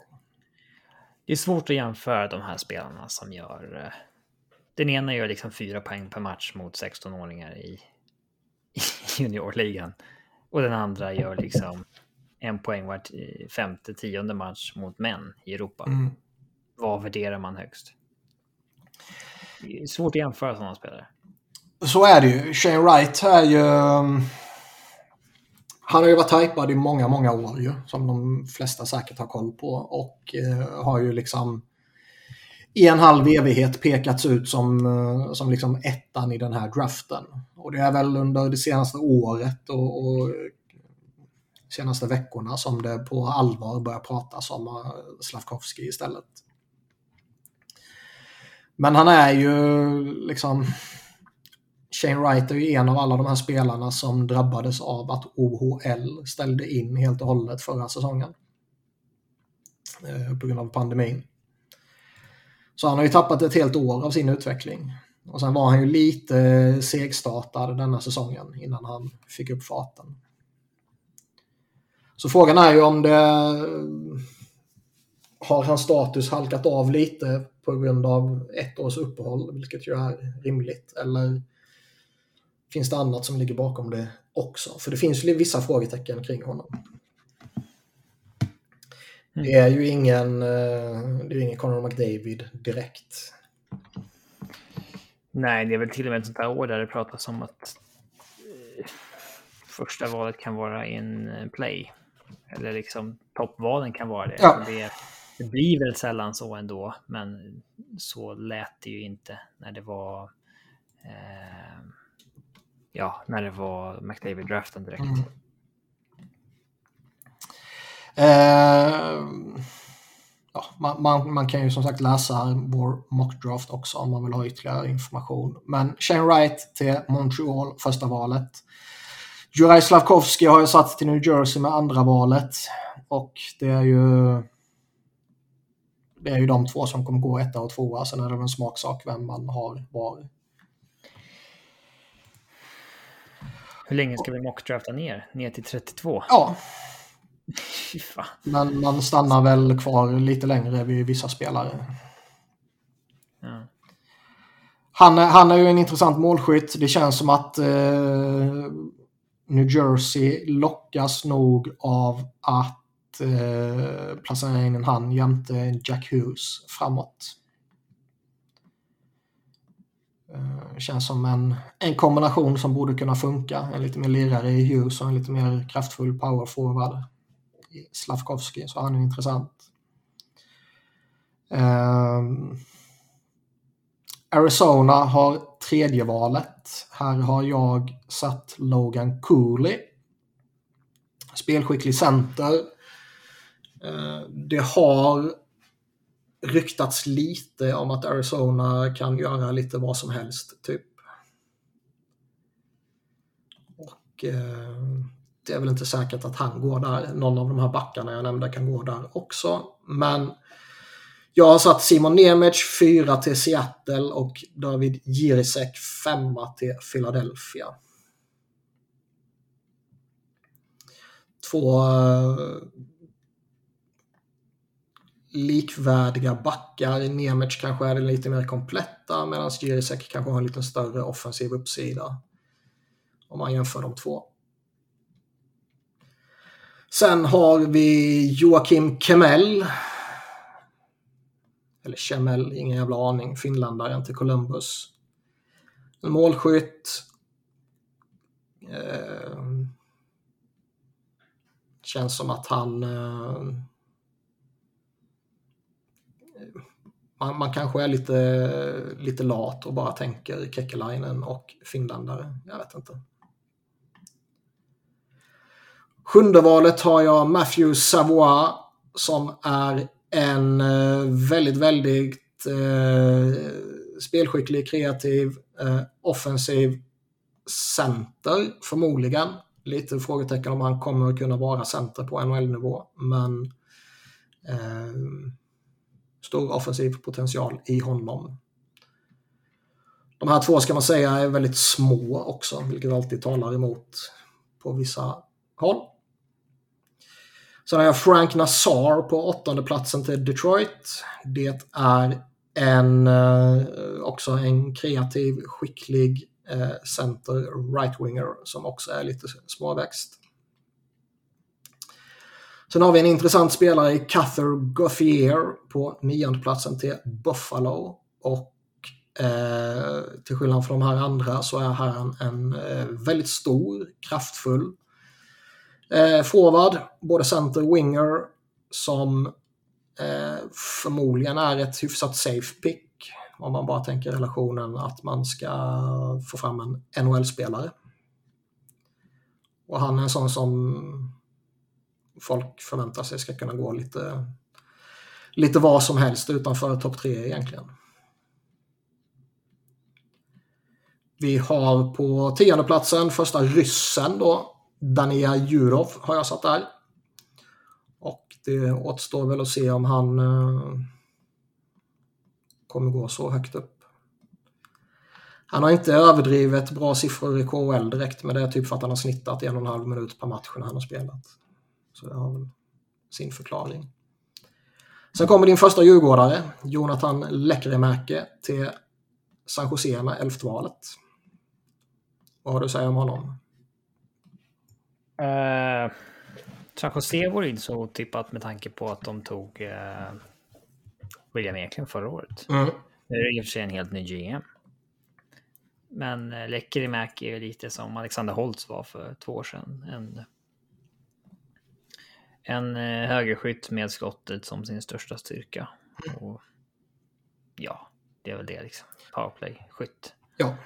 Vi får se hur mycket mer det går att få ur honom, men... Mm. Sen har jag med tolfte valet har jag Brad Lambert till Columbus. Och det är ju... Finnen. Finnen, ja. Brad Lambert. Mm. Som... Eh, då har ju han och Shane Wright som som var spelarna att följa inför draften 2022 för några år sedan.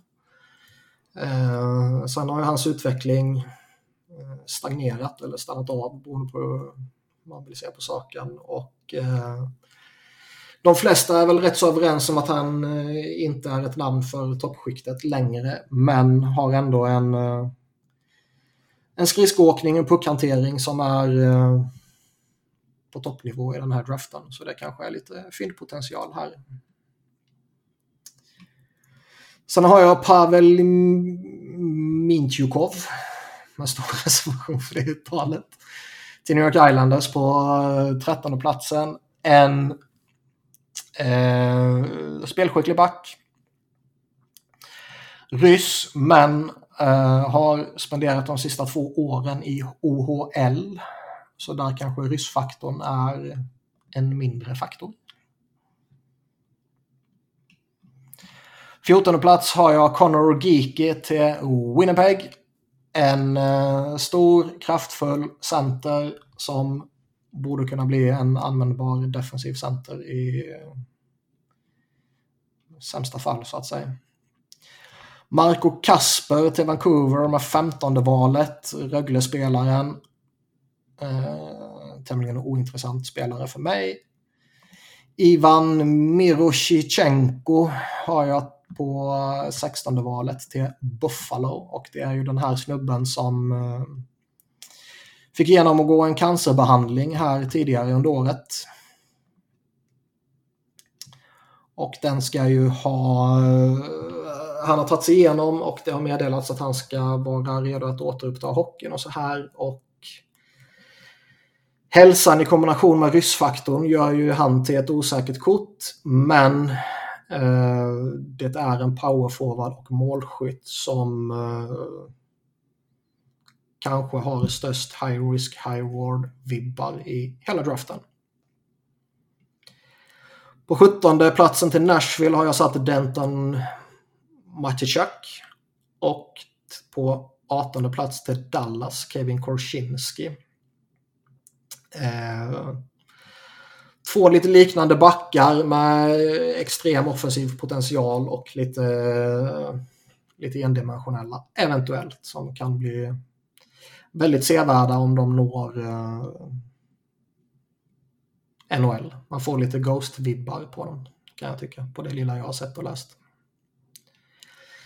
19 val till Minnesota har jag Jiri Kulic, en tjeckisk målskytt som blev MVP i eh, U18-VM.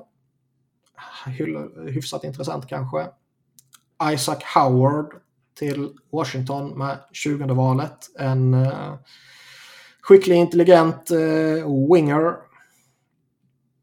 Sen kommer uh, nästa djurgårdare, Liam Ögren. Pittsburgh med 21 valet. Ja, jag har ingen jättetydlig bild av honom som spelare, för han har inte fått spela så mycket A-lagsspel. Men eh, han verkar ju vara lite av en joker, för han är ju typ topp 10 på vissa listor. Mm. Alltså så här, lite random. Att eh, vissa har honom 20 och vissa har honom typ 7 i princip. Han gjorde ju nästan två poäng per match i J20-serien. 33 mål på 30 matcher. Mm. Um, Imponerade när Sverige tog U18-VM-guld också. Ja, där spelade han ju på sprutor lite uppmärksammat. Mm. Barnturnering liksom. uh, nej, men uh, Bob McKenzie lyfte ju honom som liten joker. Mm. Och då kan det ju vara så. Med val 22 till Anaheim har jag satt OM Pickering. En uh, defensiv uh, back. St. Louis med 23 valet får Jimmy Snuggerud. Vars namn är lite coolare om man säger det på svenska. Jimmy Snuggerud. Och det är väl en eh, fin komplementspelare i en scoring line som har ett vettigt skott. Eh, första rundans coolaste namn i Jagger Furcus till Minnesota med val 24. En eh, väldigt skicklig och eh, kreativ, snabb men väldigt liten och tunn winger. 25 kommer Noah Östlund på till Toronto. Ja, han är lite mera tydligare bild av. Det är en sån här riktigt skicklig tvåvägscenter. Mm. Med eh, fina packskills och sådär. Eh, långt ifrån mogen. Alltså han är ju liksom eh, ett barn i kroppen fortfarande. Mm. Men eh, det är väl ett long haul. Alltså det är väl ett långt projekt i så fall. Men han... Eh, han gillar jag så pass mycket att jag skulle vara sugen på att ta honom om han var tillgänglig. Men det ser jag utan att ha koll på de nordamerikanska alternativen såklart. Mm. Val 26 till Montreal har jag Kalle Odelius. Ännu en djurgårdare. Ja, han är väl ingen tydlig bild av heller. Han är knappt spelat alls. Eh, men eh, kommer väl få en stor roll i Hockeyallsvenskan i år i alla fall. Mm. Men alla de här killarna har man egentligen, eh, eller åtminstone alla har kommit Djurgården ganska nyligen. Så att det är svårt att claima, claima dem som Djurgården. det kan man alltid göra. Odelius, Lekkerimäki och eh, eh, inte Ögren, men Östlund tror jag alla kom från Södertälje för tre år sedan. Mm. Går vi vidare med val 27 så har jag Rutger McGrorty till Arizona. Det är en eh, mångsidig forward. Han var eh, lagkapten för eh, US National U18-laget. Trots rätt många fler hypade namn på, på den rosten. 28 har jag till Buffalo Filip Mesar, en slovak. Och eh, tredje slovaken att gå i första rundan i så fall, vilket är anmärkningsvärt med tanke på vilken eh, skitera Slovakien har bakom sig. Men eventuellt har några nya spännande spelare på gång här nu. Jag har Nathan Gosher, eller om man nu uttalar hans namn, till Edmonton med val 29. En stor, stark, fysiskt spelande tvåvägscenter som Ken Holland förmodligen kommer gilla. Val 30 till Winnipeg, David Goyette. Eh, imponerade i ett dåligt Sudbury i OHL och har en hyfsat stor offensiv uppsida och är eh, enligt många en av de eh, snabbaste spelarna i draften. Sen till Tampa med val 31 har jag satt Tristan Luneau som eh, för ett år sedan typ pekades ut som ett alternativ för topp 10 i den här draften. Men eh, en operation förra sommaren och sen en lång startsträcka på den här säsongen har gjort att han har fallit av lite. Men kanske kan det finnas en fyndpotential här också.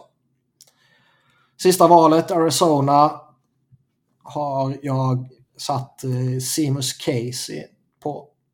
Och eh, skicklig, rörlig eh, försvarare. nämns som en av de mer naturligt skickliga puckhanterarna av draftens backar. Så där är vi. Jag är på inga sätt en eh, expert utan eh, har ju bara sammanställt det här. Har vi något annat vi vill säga om draften? Eller ska vi gå vidare? Nej, gå vidare du. Då går vi in på några lyssnarfrågor helt enkelt. Och börjar med var går gränsen för vad du kan leva med i Flyers väg de kommande veckorna? Och det är ju ett... Eh, eh, här kan man ju gräva ner sig djupt i sin depression om man vill. Men eh, var drar man gränsen? Alltså, de kan väl inte göra något särskilt konstigt i draften som skulle få det att... Nej, det är ju om man tradar iväg, alltså man gör någon ny, alltså Ristolainen trade. För det var ju lite sjukt för ett år sedan. Men... Vem vore den nya Ristolainen? Alltså, det vore typ om man är i laget som går för Joey Anderson i Montreal. Mm, Josh Anderson. Det, det, han är inte...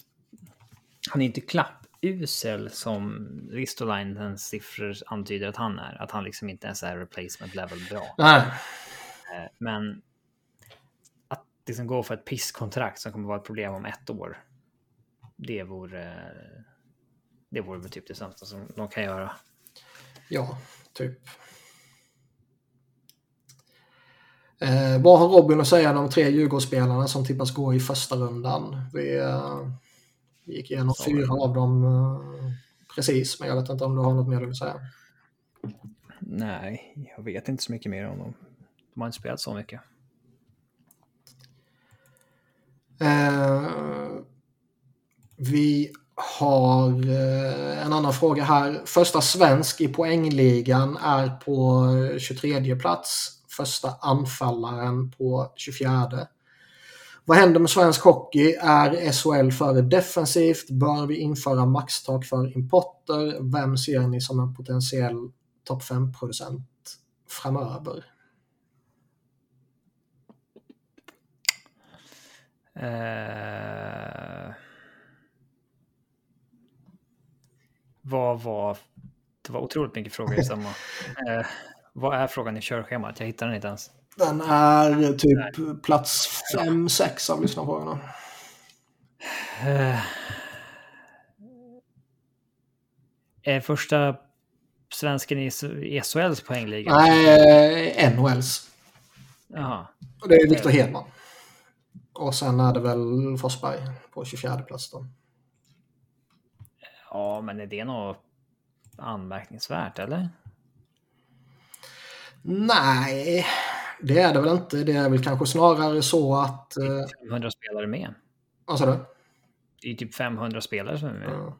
Det är väl snarare så kanske att eh, eh, svenskar, om man nu intresserar sig för svenskar, har varit lite bortskämda med att vi under en lång period har haft rätt många framträdande spelare högt upp i poängligan. Alltså från, från Foppa Sundin, Näslund, Alfredsson till liksom eh, Sedinarna. Z Bäckis. Den Bäckström, ja. kom efter. Nu har vi en generation där vi kanske inte har den extrema spetsen på forwardsidan. Nej, men kanske snarare har en bredd som är uh, ja. otroligt stark. Skulle, skulle vi gå upp mot Finland så har ju de en bättre första line, men vi är fyra klart bättre kedjor. Ja. Uh, och sen, jag menar Landeskog är point per game, Elias Lindholm är point per game, Sibanja är point per game, uh, Filip Forsberg point per game, Victor Hedman är point per game från backposition. Mm. Um, Nylander är en poäng från point per game. Ja. Jesper Bratt är ju nästan point per game. Ja, och eh, ja, Elias Pettersson har väl haft... Han hade en pissäsong, han gjorde 68 poäng på 80 matcher. Ja, men det var väl sådär. Han har väl varit lite av en besvikelse, för för två år sedan så känns det som att han skulle... Han var något mer. the next big thing i svensk hockey. Han skulle vara Sveriges bästa spelare i ligan ja. vid den här tidpunkten, trodde vi för tre år sedan. Utan större tvivel liksom. Eh, där har det varit lite hack i kurvan, men där får vi väl se nu med nya Canucks. Han kan ju absolut vara en kandidat för en, vad ska man säga, explosionsartad säsong. Oh, en jävla bounceback potential. Uh, ja, om man nu kan. Ja, jag, vill, jag vill inte säga bounce back för att han gör ändå liksom sin bästa säsong poängmässigt. Ja. Ja. ja. Men det känns ju ändå så. Då. Och det var framförallt var det väl en, eh, han var ju mer eller mindre kass under säsongsinledningen. Det var väl en stark avslutning som gör att han mm ja, bounceback är inte rätt ord, men, men liksom lägger sig på den nivån som folk kanske förväntar sig att han ska ligga på. Men hur många spelare har vi egentligen haft som varit topp 5 i poängligan så ofta? Nej, Foppa har ju varit där. Näslund var väl där något år när han var som allra bäst va? Ja, ihop med Foppa. Ja, det stod ju med dem på sista omgången. Där Foppa slänger iväg en chanspuck in i öppet mål va? Mm. Eh, Sedinerna var ju där ett år. Kanske att Beckis har varit topp fem något år, men mm, det, kan det är svårt att vara topp fem. Alltså det, det, Sundin var det ju aldrig för att han inte hade supportcasten liksom, men eh, Z kanske var något år, men jag tror inte det heller. Men eh, att vara där nästa år, ja, Alltså, jag, jag har svårt att se Zibanejad eller Nylander vara topp fem. Eh, kanske. De kan väl, alltså de kan alltså Nylander kan ju vara det om han får en hel säsong jämte uh, Matthews. Ja, eller Filip Forsberg, vart nu han hamnar. Ja. Zibanejad eh. skulle kunna vara det om han och Panarin båda är fullkomligt exploderar tillsammans. Ja, tittar vi bara på Landeskogs prestation på 51 matcher i fjol med 30 mål, 29 assist så skulle det slås ut över 82 matcher så skulle han ju ha eh, nära 100 poäng. Och det är kanske inte är han som driver det. Nej, nej men han har, ju, han har ju näst högst point per game av svenskarna. Det är ju bara ja. Forsberg som är bättre. Men på längre sikt, visst, vi har väl ingen som är... Eh, det är väl Lucas Raymond som lurar i vassen som kan vara the next big thing så. Eh, annars så. Vi har inte öst fram prospects senaste åren på samma sätt som förr. Det har vi inte. Mm. Men det kommer ju gå lite grann. Det är väl inte mer med det. Nej, det går väl i cykler som allt annat inom hockeyn känns det som. Mm. Vi får väl se William Eklund och Alexander Holtz, Djurgårdarna som draftades eh, liksom topp 10 senaste åren. Bara vad som händer där. Mm. Eh, annars har vi fostrat mycket backar senaste åren. Ska man gå in på något eh, RSL SHL för defensivt? Bör man införa maxtak på importer? Eh, det finns väl maxtak på importer, eller? Ingen aning. Nej, kanske inte gör längre. Man har lyft det tror jag. Men... Eh, man, man hör aldrig något om det. Det är väl bara Schweiz man hör det om. Ja, det fanns ju förut maxtak på två. Men eh, det är ju lyft och jag tror inte att... Alltså lagen... Det, vi har ju så bra många svenska bra spelare att vi behöver inte fylla med importer som de gör i Schweiz. Mm. Schweiz är ju liksom hela Europas liga på något sätt där det är massa tyska och franska spelare som är undantag för att få spela i Schweiz under icke-importflagg och så vidare. Eh, men... Eh, jag ser väl inga problem med våran fostran av eh, NHL-spelare. Då går vi vidare till hur bör Edmonton lösa målvaktspositionen? Eh, ett alternativ är ju att vara lite is i magen och titta om eh, New York Rangers ens qualifierar eh, Georgiev. Mm. Annars så försöka locka Fleury med ett år. Um, Billy Huso kan man ju slänga fram ett stort kontrakt till, kanske satsa på. Annars trada för Gibson. Jag tänkte säga det. Får de bara sitt löneutrymme så kommer de ju trada för honom. 6,4 miljoner är ju rätt mycket för dem att ta på sig. Då behöver de ju lyckas. De har liksom 7 miljoner nu ungefär. Visst slutar Duncan Keith och Mike Smith försvinner även han så blir det ju eh, lite annat. Men eh, de kanske även behöver trada iväg någon Barry eller Cassian eller sånt här. Men får de sitt utrymme då känns det ju verkligen som han går efter Gibson. Ja, det har inte snackats något om det, men kanske. Vad sa du mer? Du sa Flurry, du sa Georgiev, Jack Campbell kanske är något sånt också. Ja, han är väl lite som Willy Huso. Han kan de ju slänga upp ett kontrakt ja. som de andra inte kan till. Om de vill. Men det är inte jättemånga alternativ ändå alltså. Nej. Eh, vi går vidare till lite Colorado.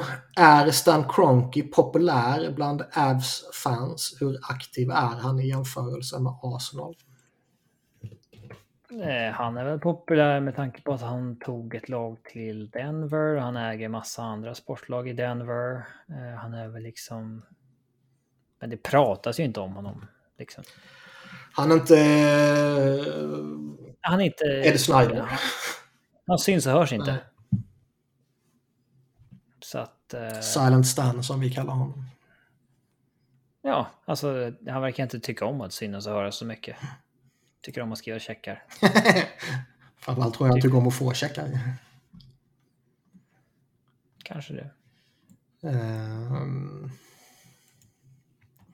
Bör man höja draftåldern på spelarna 1 till 2 år? Jag ser själv många fördelar med det. Till exempel Mindre stress i unga tonåren att hinna visa upp sig. Nationella ligorna får behålla sina bästa juniorer lite till, vilket skapar intresse. NHL-lagen hinner få mer och bättre data på spelaren. Fler spelare än idag kommer vara klara att hoppa in direkt efter draften. Eh, så här, om, om det genomfördes, det som hade hänt är ju att eh, de lägre draftvalen hade blivit mycket mindre värda. Mm. Och de högre hade blivit mycket mer värda för att draft accuracyn hade ju varit brutalt bättre. Eh, för det är ju ofta vad som händer just nu, åren 1-2 efter de har draftat, som verkligen avgör vilken riktning de kommer gå. Mm. Jag hade dock inte velat höja åldern för Alltså typ såhär McDavid, han, han, han borde ju gått in i ligan två år tidigare än han gjorde. Typ. Matthews borde ju gått in. Så att jag... Alltså det är ju många, det är många ettor som är tillräckligt bra för att gå in i ligan som borde kunna ha gjort det ännu tidigare. Eh, att de skulle hållas utanför ett eller två år ytterligare, det, det är jag väl inte för.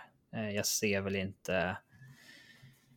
Eh, Alltså man stressas ju inte in i ligan för tidigt bara för att man draftas i den ålder man gör, utan man behålls. Man blir ju kvar i juniorlagen och i, på, så, på så vis liksom.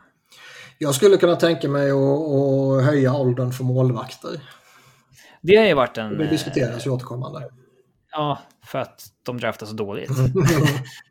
för att de är, det tar längre tid att lista ut dem. Ja. Eh, och, och så vidare. Men det blir ju lite orättvist om det, man, kom, man kan komma in i ligan tidigare som, som utespelare än som målvakt. Ja, det blev väl lite konstigt på ett sätt. Men där, där, ty, ja. där tycker jag ändå, där, där kan man föra argument för varför man kanske ska göra det. Men... För att det är för svårt för att, att drafta. Ja. Men det är samtidigt så här, men då får ni väl bli bättre på det. Mm, jo, visst. Men, yeah. ja, jag håller med dig om utespelare.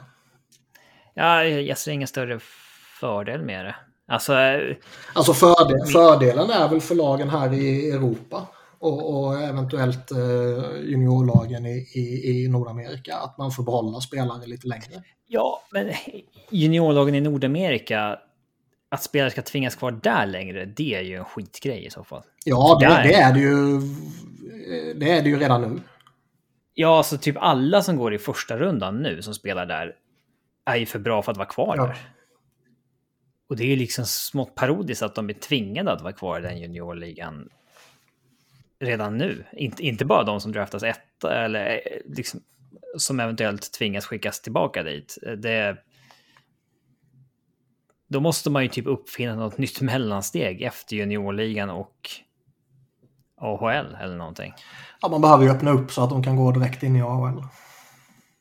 Ja, att de kan liksom eh, skriva AHL-kontrakt på något sätt innan de draftas. Mm. Typ det i så fall. Ja. Men jag ser väl ingen större anledning att ändra något som redan är. Eh, det tillhör väl lite att det ska vara svårt att drafta också. Ja, alltså skulle man senare lägga det med, med två år så... Um, det vara lätt att drafta, så är det Exakt. Men är det liksom någonting vi ska sträva efter? Eller ska vi sträva efter att man ska vara skicklig på att drafta? Liksom? Ja, nej, alltså, då ska man föredra man ju det senare såklart. Ja. Eh, lyfter Fiala Kings till en runda till i slutspelet. Ja, så funkar det väl inte riktigt. Eh, alltså, att allt annat ska utspelas exakt samma. Liksom. Men i match sju vinner de för att Fiala var med. Ja, alltså de har ju en, eh, de har ju en högre höjd i sig med eh, honom i laget. För där har de ju, om det här om, om den gångna säsongen var ett legitimt genombrott för honom så har de ju en, en toppspelare. Men det kanske man inte är helt, helt såld på. Det pratade vi om förra veckan. Mm. Eh, men det är klart de är ett bättre lag med honom. De, de gav ju inte upp någonting från den befintliga rosten så för att få honom. Eh, och Kings har ju satt sig i ett läge där man definitivt har möjligheten att offra både någon, någon prospect och något pick för att uh, man har så jävla mycket. Mm. Ser ni när jag kollar på Kings sida att uh, Dustin Brown är född i Ithaca? Mm. Har du sett filmen som var typ lite av en föregångare till Eurotrip som heter Roadtrip? Ja, men eh, det, är ju, det är typ 25 år sedan, 20 år sedan. Ja, när de hänger på Ithaca College. Eh, namnet känner jag inte igen. Ja, jag har ju sett filmen, de... men som sagt, det är ju, den måste ju ha kommit typ 2000 någonting. Ja, Stifler från American Pie är ja, med. Ja, exakt. Ja. Och Tom Green eller vad fan han hette. Ja, jag minns inte vad de heter, men snubben som spelar Joeys brorsa i spinoffen till Joe, äh, inte brorsa utan brorson i spinoffen till Vänner. uh, hur som helst. Ithaca, det verkar vara en kul college, kul college att hänga på. Ja, då får vi boka in det på våran eh, eh NHL-tripp som vi ska göra. Där vi ska gå igenom alla sådana här episka ställen. Mm. Eh, Rangers har ju inga höga draftval. Var bör de lägga fokus på med det val som de ändå har? Trada bort dem? Ja. Alltså, eh, det, lägga fokus på. Rangers har uh, inget första val, de har ett andra val, de har inget tredje val, de har inte sitt eget fjärde val, men de har Winnipegs fjärde val. Ja, men man, alltså man säger ju inte liksom lägg fokus på att drafta backar. Liksom. Så, så gör man ju inte. Nej, jag har inte riktigt koll heller på deras prospect pool. Så. Nej. Men det där, alltså. Det är ju... När, när det ska draftas så är man ju som fan. Det är lätt att titta på vad som finns i eget systemet och så tänker man vi har ingen målvakt, vi skulle behöva en center. Men den, den där fällan får man inte gå i. Alltså... Nej, behovet man har idag kan ju se helt annorlunda ut om två år. Om jag gick in i förra sommarens draft. Då hade någon sagt Ja, det enda ni inte behöver drafta det är en högerfattad back. För ni har Connor Timmins, Drew Hallison och Justin Barron på tur. Så skickas Connor Timmins mot Darcy Kemper, Drew Hallison mot Josh Manson, Justin Barron mot Artur Lekkonen. Mm. Ett år senare har man ingen av dem. Nej, så är det. Alltså, där, sånt händer ju. Och sen även om du har tre högerfattade backar i systemet så ingen av dem blir en NHL-spelare. Ja. Ja, nej, så är det. Så... Vad, vad, ja. vad de bör göra är väl eh, eventuellt att försöka få till en Georgiev-trade eh, i samband med draften och se om man kan få tillbaka några picks där. Mm. För han måste, det har vi pratat om tidigare, han, han bör man ju trada. Han eh, kommer väl bli för dyr för dem annars rimligtvis. Ja, men jag hörde Frank Saravelli snacka om att liksom... Eh, det är en intressant, eh, vad säger man, chicken race här med eh, Georgiev. Rangers vill ju ha någonting för honom. Men han har ett utgående kontrakt som kommer ge honom ett qualifying offer på 2,6-2,7 mille. Och frågan är om ens Rangers har råd att uh, qualifiera honom på det. Nej, exakt. För det vill de ju inte signa honom på. Alltså det, det... De behöver ju de pengarna att signa forwards. Så är det Och någon back. Och eh, det är lite därför jag menar att man... Det borde vara strategin om gå in i draften med i så fall. Ja.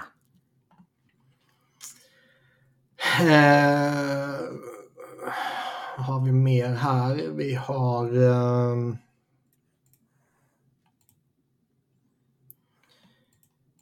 vi kanske ska hålla på, på de andra. Vi fick in en sen fråga om man Ska man vara genuint orolig för NHL-spelare som spenderar sommaren i Ryssland? Den har vi ju tagit till eventuellt. stor del och ja, eventuellt så ska man, ska man vara det. Jag eh, skulle jag vara GM skulle jag ju inte drafta en ryss denna sommaren i alla fall. Inte med mina, ja, inte mina första val i alla fall. Om det inte är så att det är någon av dem som faller jättelångt ner.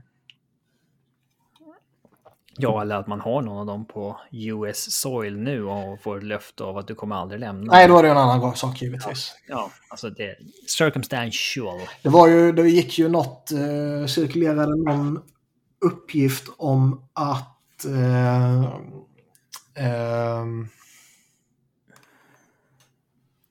vem var det av ryssarna? Eh, vad fan var det? Nu tappade jag vem det var. Nu måste jag fuska. Nu måste jag. Som har gjort vad då? Eh, Ivan Miroshnichenko ska eventuellt vara på plats eh, i samband med draften. Han eh, som hade genomgått cancerbehandling. Mm. Och visst, tror man på honom och man har läst hans medicals och känner sig övertygad om att det är bra där och och eh, liksom nu är du i Kanada eller USA för att stanna. Då, visst, då kan man väl plocka honom liksom. Men eh, ja, samma sak med han som, som hade varit i kanadensiska juniorligan. Om han fortfarande är kvar i Kanada så är det en annan grej givetvis. Men eh, Ja. det skulle avskräcka mig. Har vi, har vi något mer eller ska vi stämpla ut där? Eh, ja, de här frågorna om överskattade filmer och Subway-macka och sånt där. Det, det känns som att Sebbe behöver med, vara med på dem. Ja. Ja. Så, sak, saker som inte har med NHL att göra, där behöver jag ha med Sebbe. Annars klarar vi oss bra med resten. Jag tänkte på filmer som... Eh, har du någon film som du... Eh, du är övertygad om att den är skitdålig och du till och med argumenterar för att den är dålig i vissa sammanhang, men du har inte sett den. Eh, Titanic var den filmen för mig i många, många, många år fram till jag såg den för... Och satt och bölade som en gris. Ja, men typ liksom. Nej, fram till jag såg den för, nu är det nog fem år sedan kanske. Och då fick jag bekräftat för mig att det är sannolikt tidernas mest överskattade film. Det enda som är bra med den filmen är Céline Dion. Ja. Det är svårt att tro att Kate Winslet ska vara 17 år. Mm. Det, det är det. Eh, Men om man tittar på IMDBs topp 5 250, det är ju en del filmer där jag inte har sett, men det är ingen av dem som jag riktigt går runt och hävdar är dålig. Så... Typ Inception är en sån film, den kan jag nog hävda är dålig. Nej. Jag. För jag, jag vet, jag förstår ju vilken typ av film det är och det, jag gillar inte liksom... Den är lite för intelligent för dig. Sure. Men liksom så här, Ma- Matrix-filmer och så här, ja, sånt gillar inte jag liksom. Eh, och eh, nästan alla superhjältefilmer är inte min smak heller. Um, Batman-filmerna tycker jag är okej, men inte liksom Marvel. Oh, de är coola. Riktigt mäktiga. Eh, eh, eh.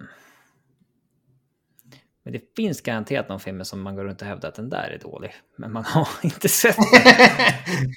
Eh, bara för att det känns så. Jo, men det är klart, man är ju fördomsfull i, i många fall. Så är det ju. Men kanske inte någon av de stora, men kanske vissa svenska filmer och sådär som går. Ja, jag sitter också och scrollar lite här, men det är svårt att... Du var väl kanske... Du kanske var lite så med Harry Potter-filmerna en gång va? Eller liksom, du snackade kanske inte ner dem, men du hade inte sett dem på... Nej, jag var väl... Eh, jag kommer inte ihåg om vi har pratat om det här i podden eller off-podd. Men jag var väl lite för gammal när, när de släpptes och var liksom... Vad är det? De första tre eller fyra eller vad det är, är ju typ barnfilmer. Och sen blir det lite mer... Ja, första två i alla fall. Så det är väl liksom lite mer... Det passade mig ganska bra. Första kom när jag är 11 liksom. Ja, exakt. Då var jag lite, lite för gammal för den. Liksom. Sen såg jag ju dem i... Det är väl också ett, ett antal år sedan nu liksom. Och det, ja, de var väl sevärda sådär liksom. Coola på vissa sätt. Men det är ju inte, det är inte en filmserie jag känner ett behov av att se om. Liksom. Jag har ju, somliga har ju, kan ju bara se en film en gång. Jag har ju absolut inga problem att titta på, på bra grejer hur många gånger som helst. Ja, nej, vissa filmer har jag sett om otroligt många gånger. Sagan om ringen ser man ju minst eh, ett par, tre gånger per år. Ett par, tre gånger, det vet jag Jo. fan. Så här, Band of Brothers är en miniserie jag försöker se en gång om året ändå. Mm. Alltså tittar jag på nyligen. Eh, jag kom på en filmserie som jag absolut skulle kunna argumentera för. Det där är bara trams, liksom. det där behöver man inte se. Och det är Terminator. Nej, för helvete. För han är ju så töntig svårt. Nej, kom inte här och snacka skit om eh, Arnold. De, eh, de två första är ju mästerverk. Sen så dippar det av lite såklart. Har du några Guilty Pleasure-filmer då? Jag gillar ju National Treasure-filmerna med Nicolas Cage. Ja, men de är ju genuint coola. Ja. De är ju, det är inte guilty Jag har också pleasure. gått igenom att det... Du har ju en oerhört låg ribba för vad som är en bra... Nej, det var du som tycker det. ja, men du... Ja, men vilka, vad för film skulle du kunna erkänna? Det här är väl egentligen ingen bra film, men det är ändå något som jag tycker är kul att se. Liksom. För att det finns något nostalgiskt i det kanske, eller ja. Ja, men alltså, ja, jag kan ju absolut sitta och njuta av en riktig jävla sunkig C-action. Liksom. Mm. Uh, Ibland är man ju på riktigt humör för att titta på en liksom, actionrulle från 89 som har 6,3 i betyg på IMDB. Ja, det, det är liksom högt betyg, men, men visst. Ja, det är precis vad man vill ha. Ja. Det finns en enorm charm med det och uh, man kan inte gå in i, i en sån film med liksom förväntningarna att det här ska vara en ny Forrest Gump eller Gudfadern eller The Shawshank Redemption eller vad man nu kan jämföra med bland de som kanske är erkända som några av de bästa genom tiderna. Liksom. Frågan om överskattade filmer som vi fick här, det var ju tips Shawshank Redemption eller Fight Club. Shawshank Redemption är ju otroligt bra. Den går ju inte att snacka ner. Ja, nej, det, det håller jag med om. Fight Club däremot. den har jag sett när jag var yngre. Och jag kanske inte förstod storheten i den då, men då tyckte jag att den var skitdålig. Mm. Alltså jag såg den kanske när jag var 14 eller någonting. Också. Då kanske man borde skärmats av att de bara Men jag tyckte att det blev lite eh, tramsigt för mycket med det här uh, twisten på slutet mm. om att uh, Brad Pitts karaktär inte finns eller vad fan det var. Ja, jag... Eh, Spoiler alert. Lyssna inte på tidigare 10 sekunder om ni inte har sett har, har man inte sett en film som kom ut 99 så eh, då förtjänar man inte en spoiler alert. Men eh, jag tror också det är, fan, det är liksom 15-20 år sedan jag såg den också. Alltså. Mm. Visst, jag fastnade inte för den då. Är inte storheten i de liksom ursprungliga Star Wars-filmerna lite överskattade? Det kanske var något så helt banbrytande när de kom. ja, det var det. Och viss storyn håller väl upp hyfsat, men... Eh, ja. Jag, jag det är ju mer kult än mästerverk, skulle jag säga. Ja, så är det kanske. Sagan om ringen är ju fortfarande mästerverk. Det är helt otroligt. 20 år gamla och vilka... Eh, alltså varenda jävla specialeffekt håller fortfarande liksom topp, toppnivå. Mm. Hade den gjorts tre år tidigare så hade det inte varit Nej, så. Men det var ju verkligen precis i skarven när det gick. Det, alltså så här, tittar man på Jurassic Park så tänker man ju på att fan, det där borde, tänk om de hade gjort den liksom fem år senare. Ja. hade det sett mycket bättre ut. Verkligen.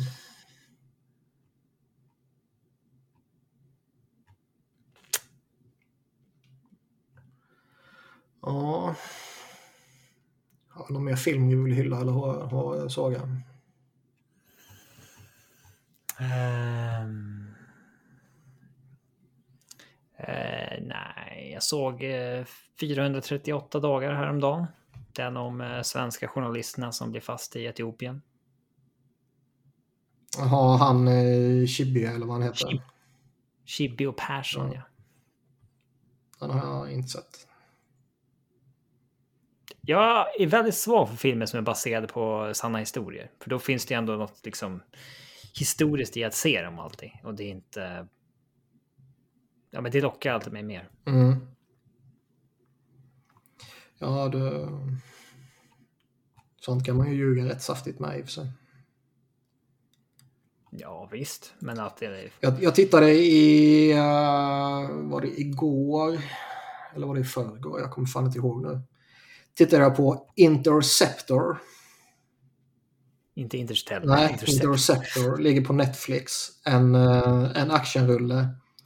4,5 i betyg på EMDB. Ja. En, en och en halv timmes perfekt, helt meningslöst eh, men otroligt underhållande eh, actionrulle. Ja, här, här ser vi det här med låg ribba för vad som är. ja. Folk man måste bara öppna sina vyer och vara lika välkomnande som jag är. Jag beslöt mig för att ge en serie en chans den här, häromnatten. Och då valde jag säsong 3 av Över Atlanten på Discovery. Jag har inte ja, sett säsongen. Jaha, är det där när några kändisar åker en segelbåt över typ? Ja. Det duger också som underhållning. Markoolio är en liksom... Eh, det är en bra människa, Markoolio. ja, det är han säkert. Men vad fan. Synd att han liksom har försvunnit från rampljuset så mycket. Det... Ja. Han gillar man. Ja. Ska vi, ska vi stanna vid de fina orden om Markoolio? Ja, visst. Vi, eh, vi tackar för oss och vi, um, vi gör väl som vanligt att vi inför Free Agency så går vi igenom lag för lag så småningom. Japp. Yep. Uh, så vi hörs uh, efter draften någon gång.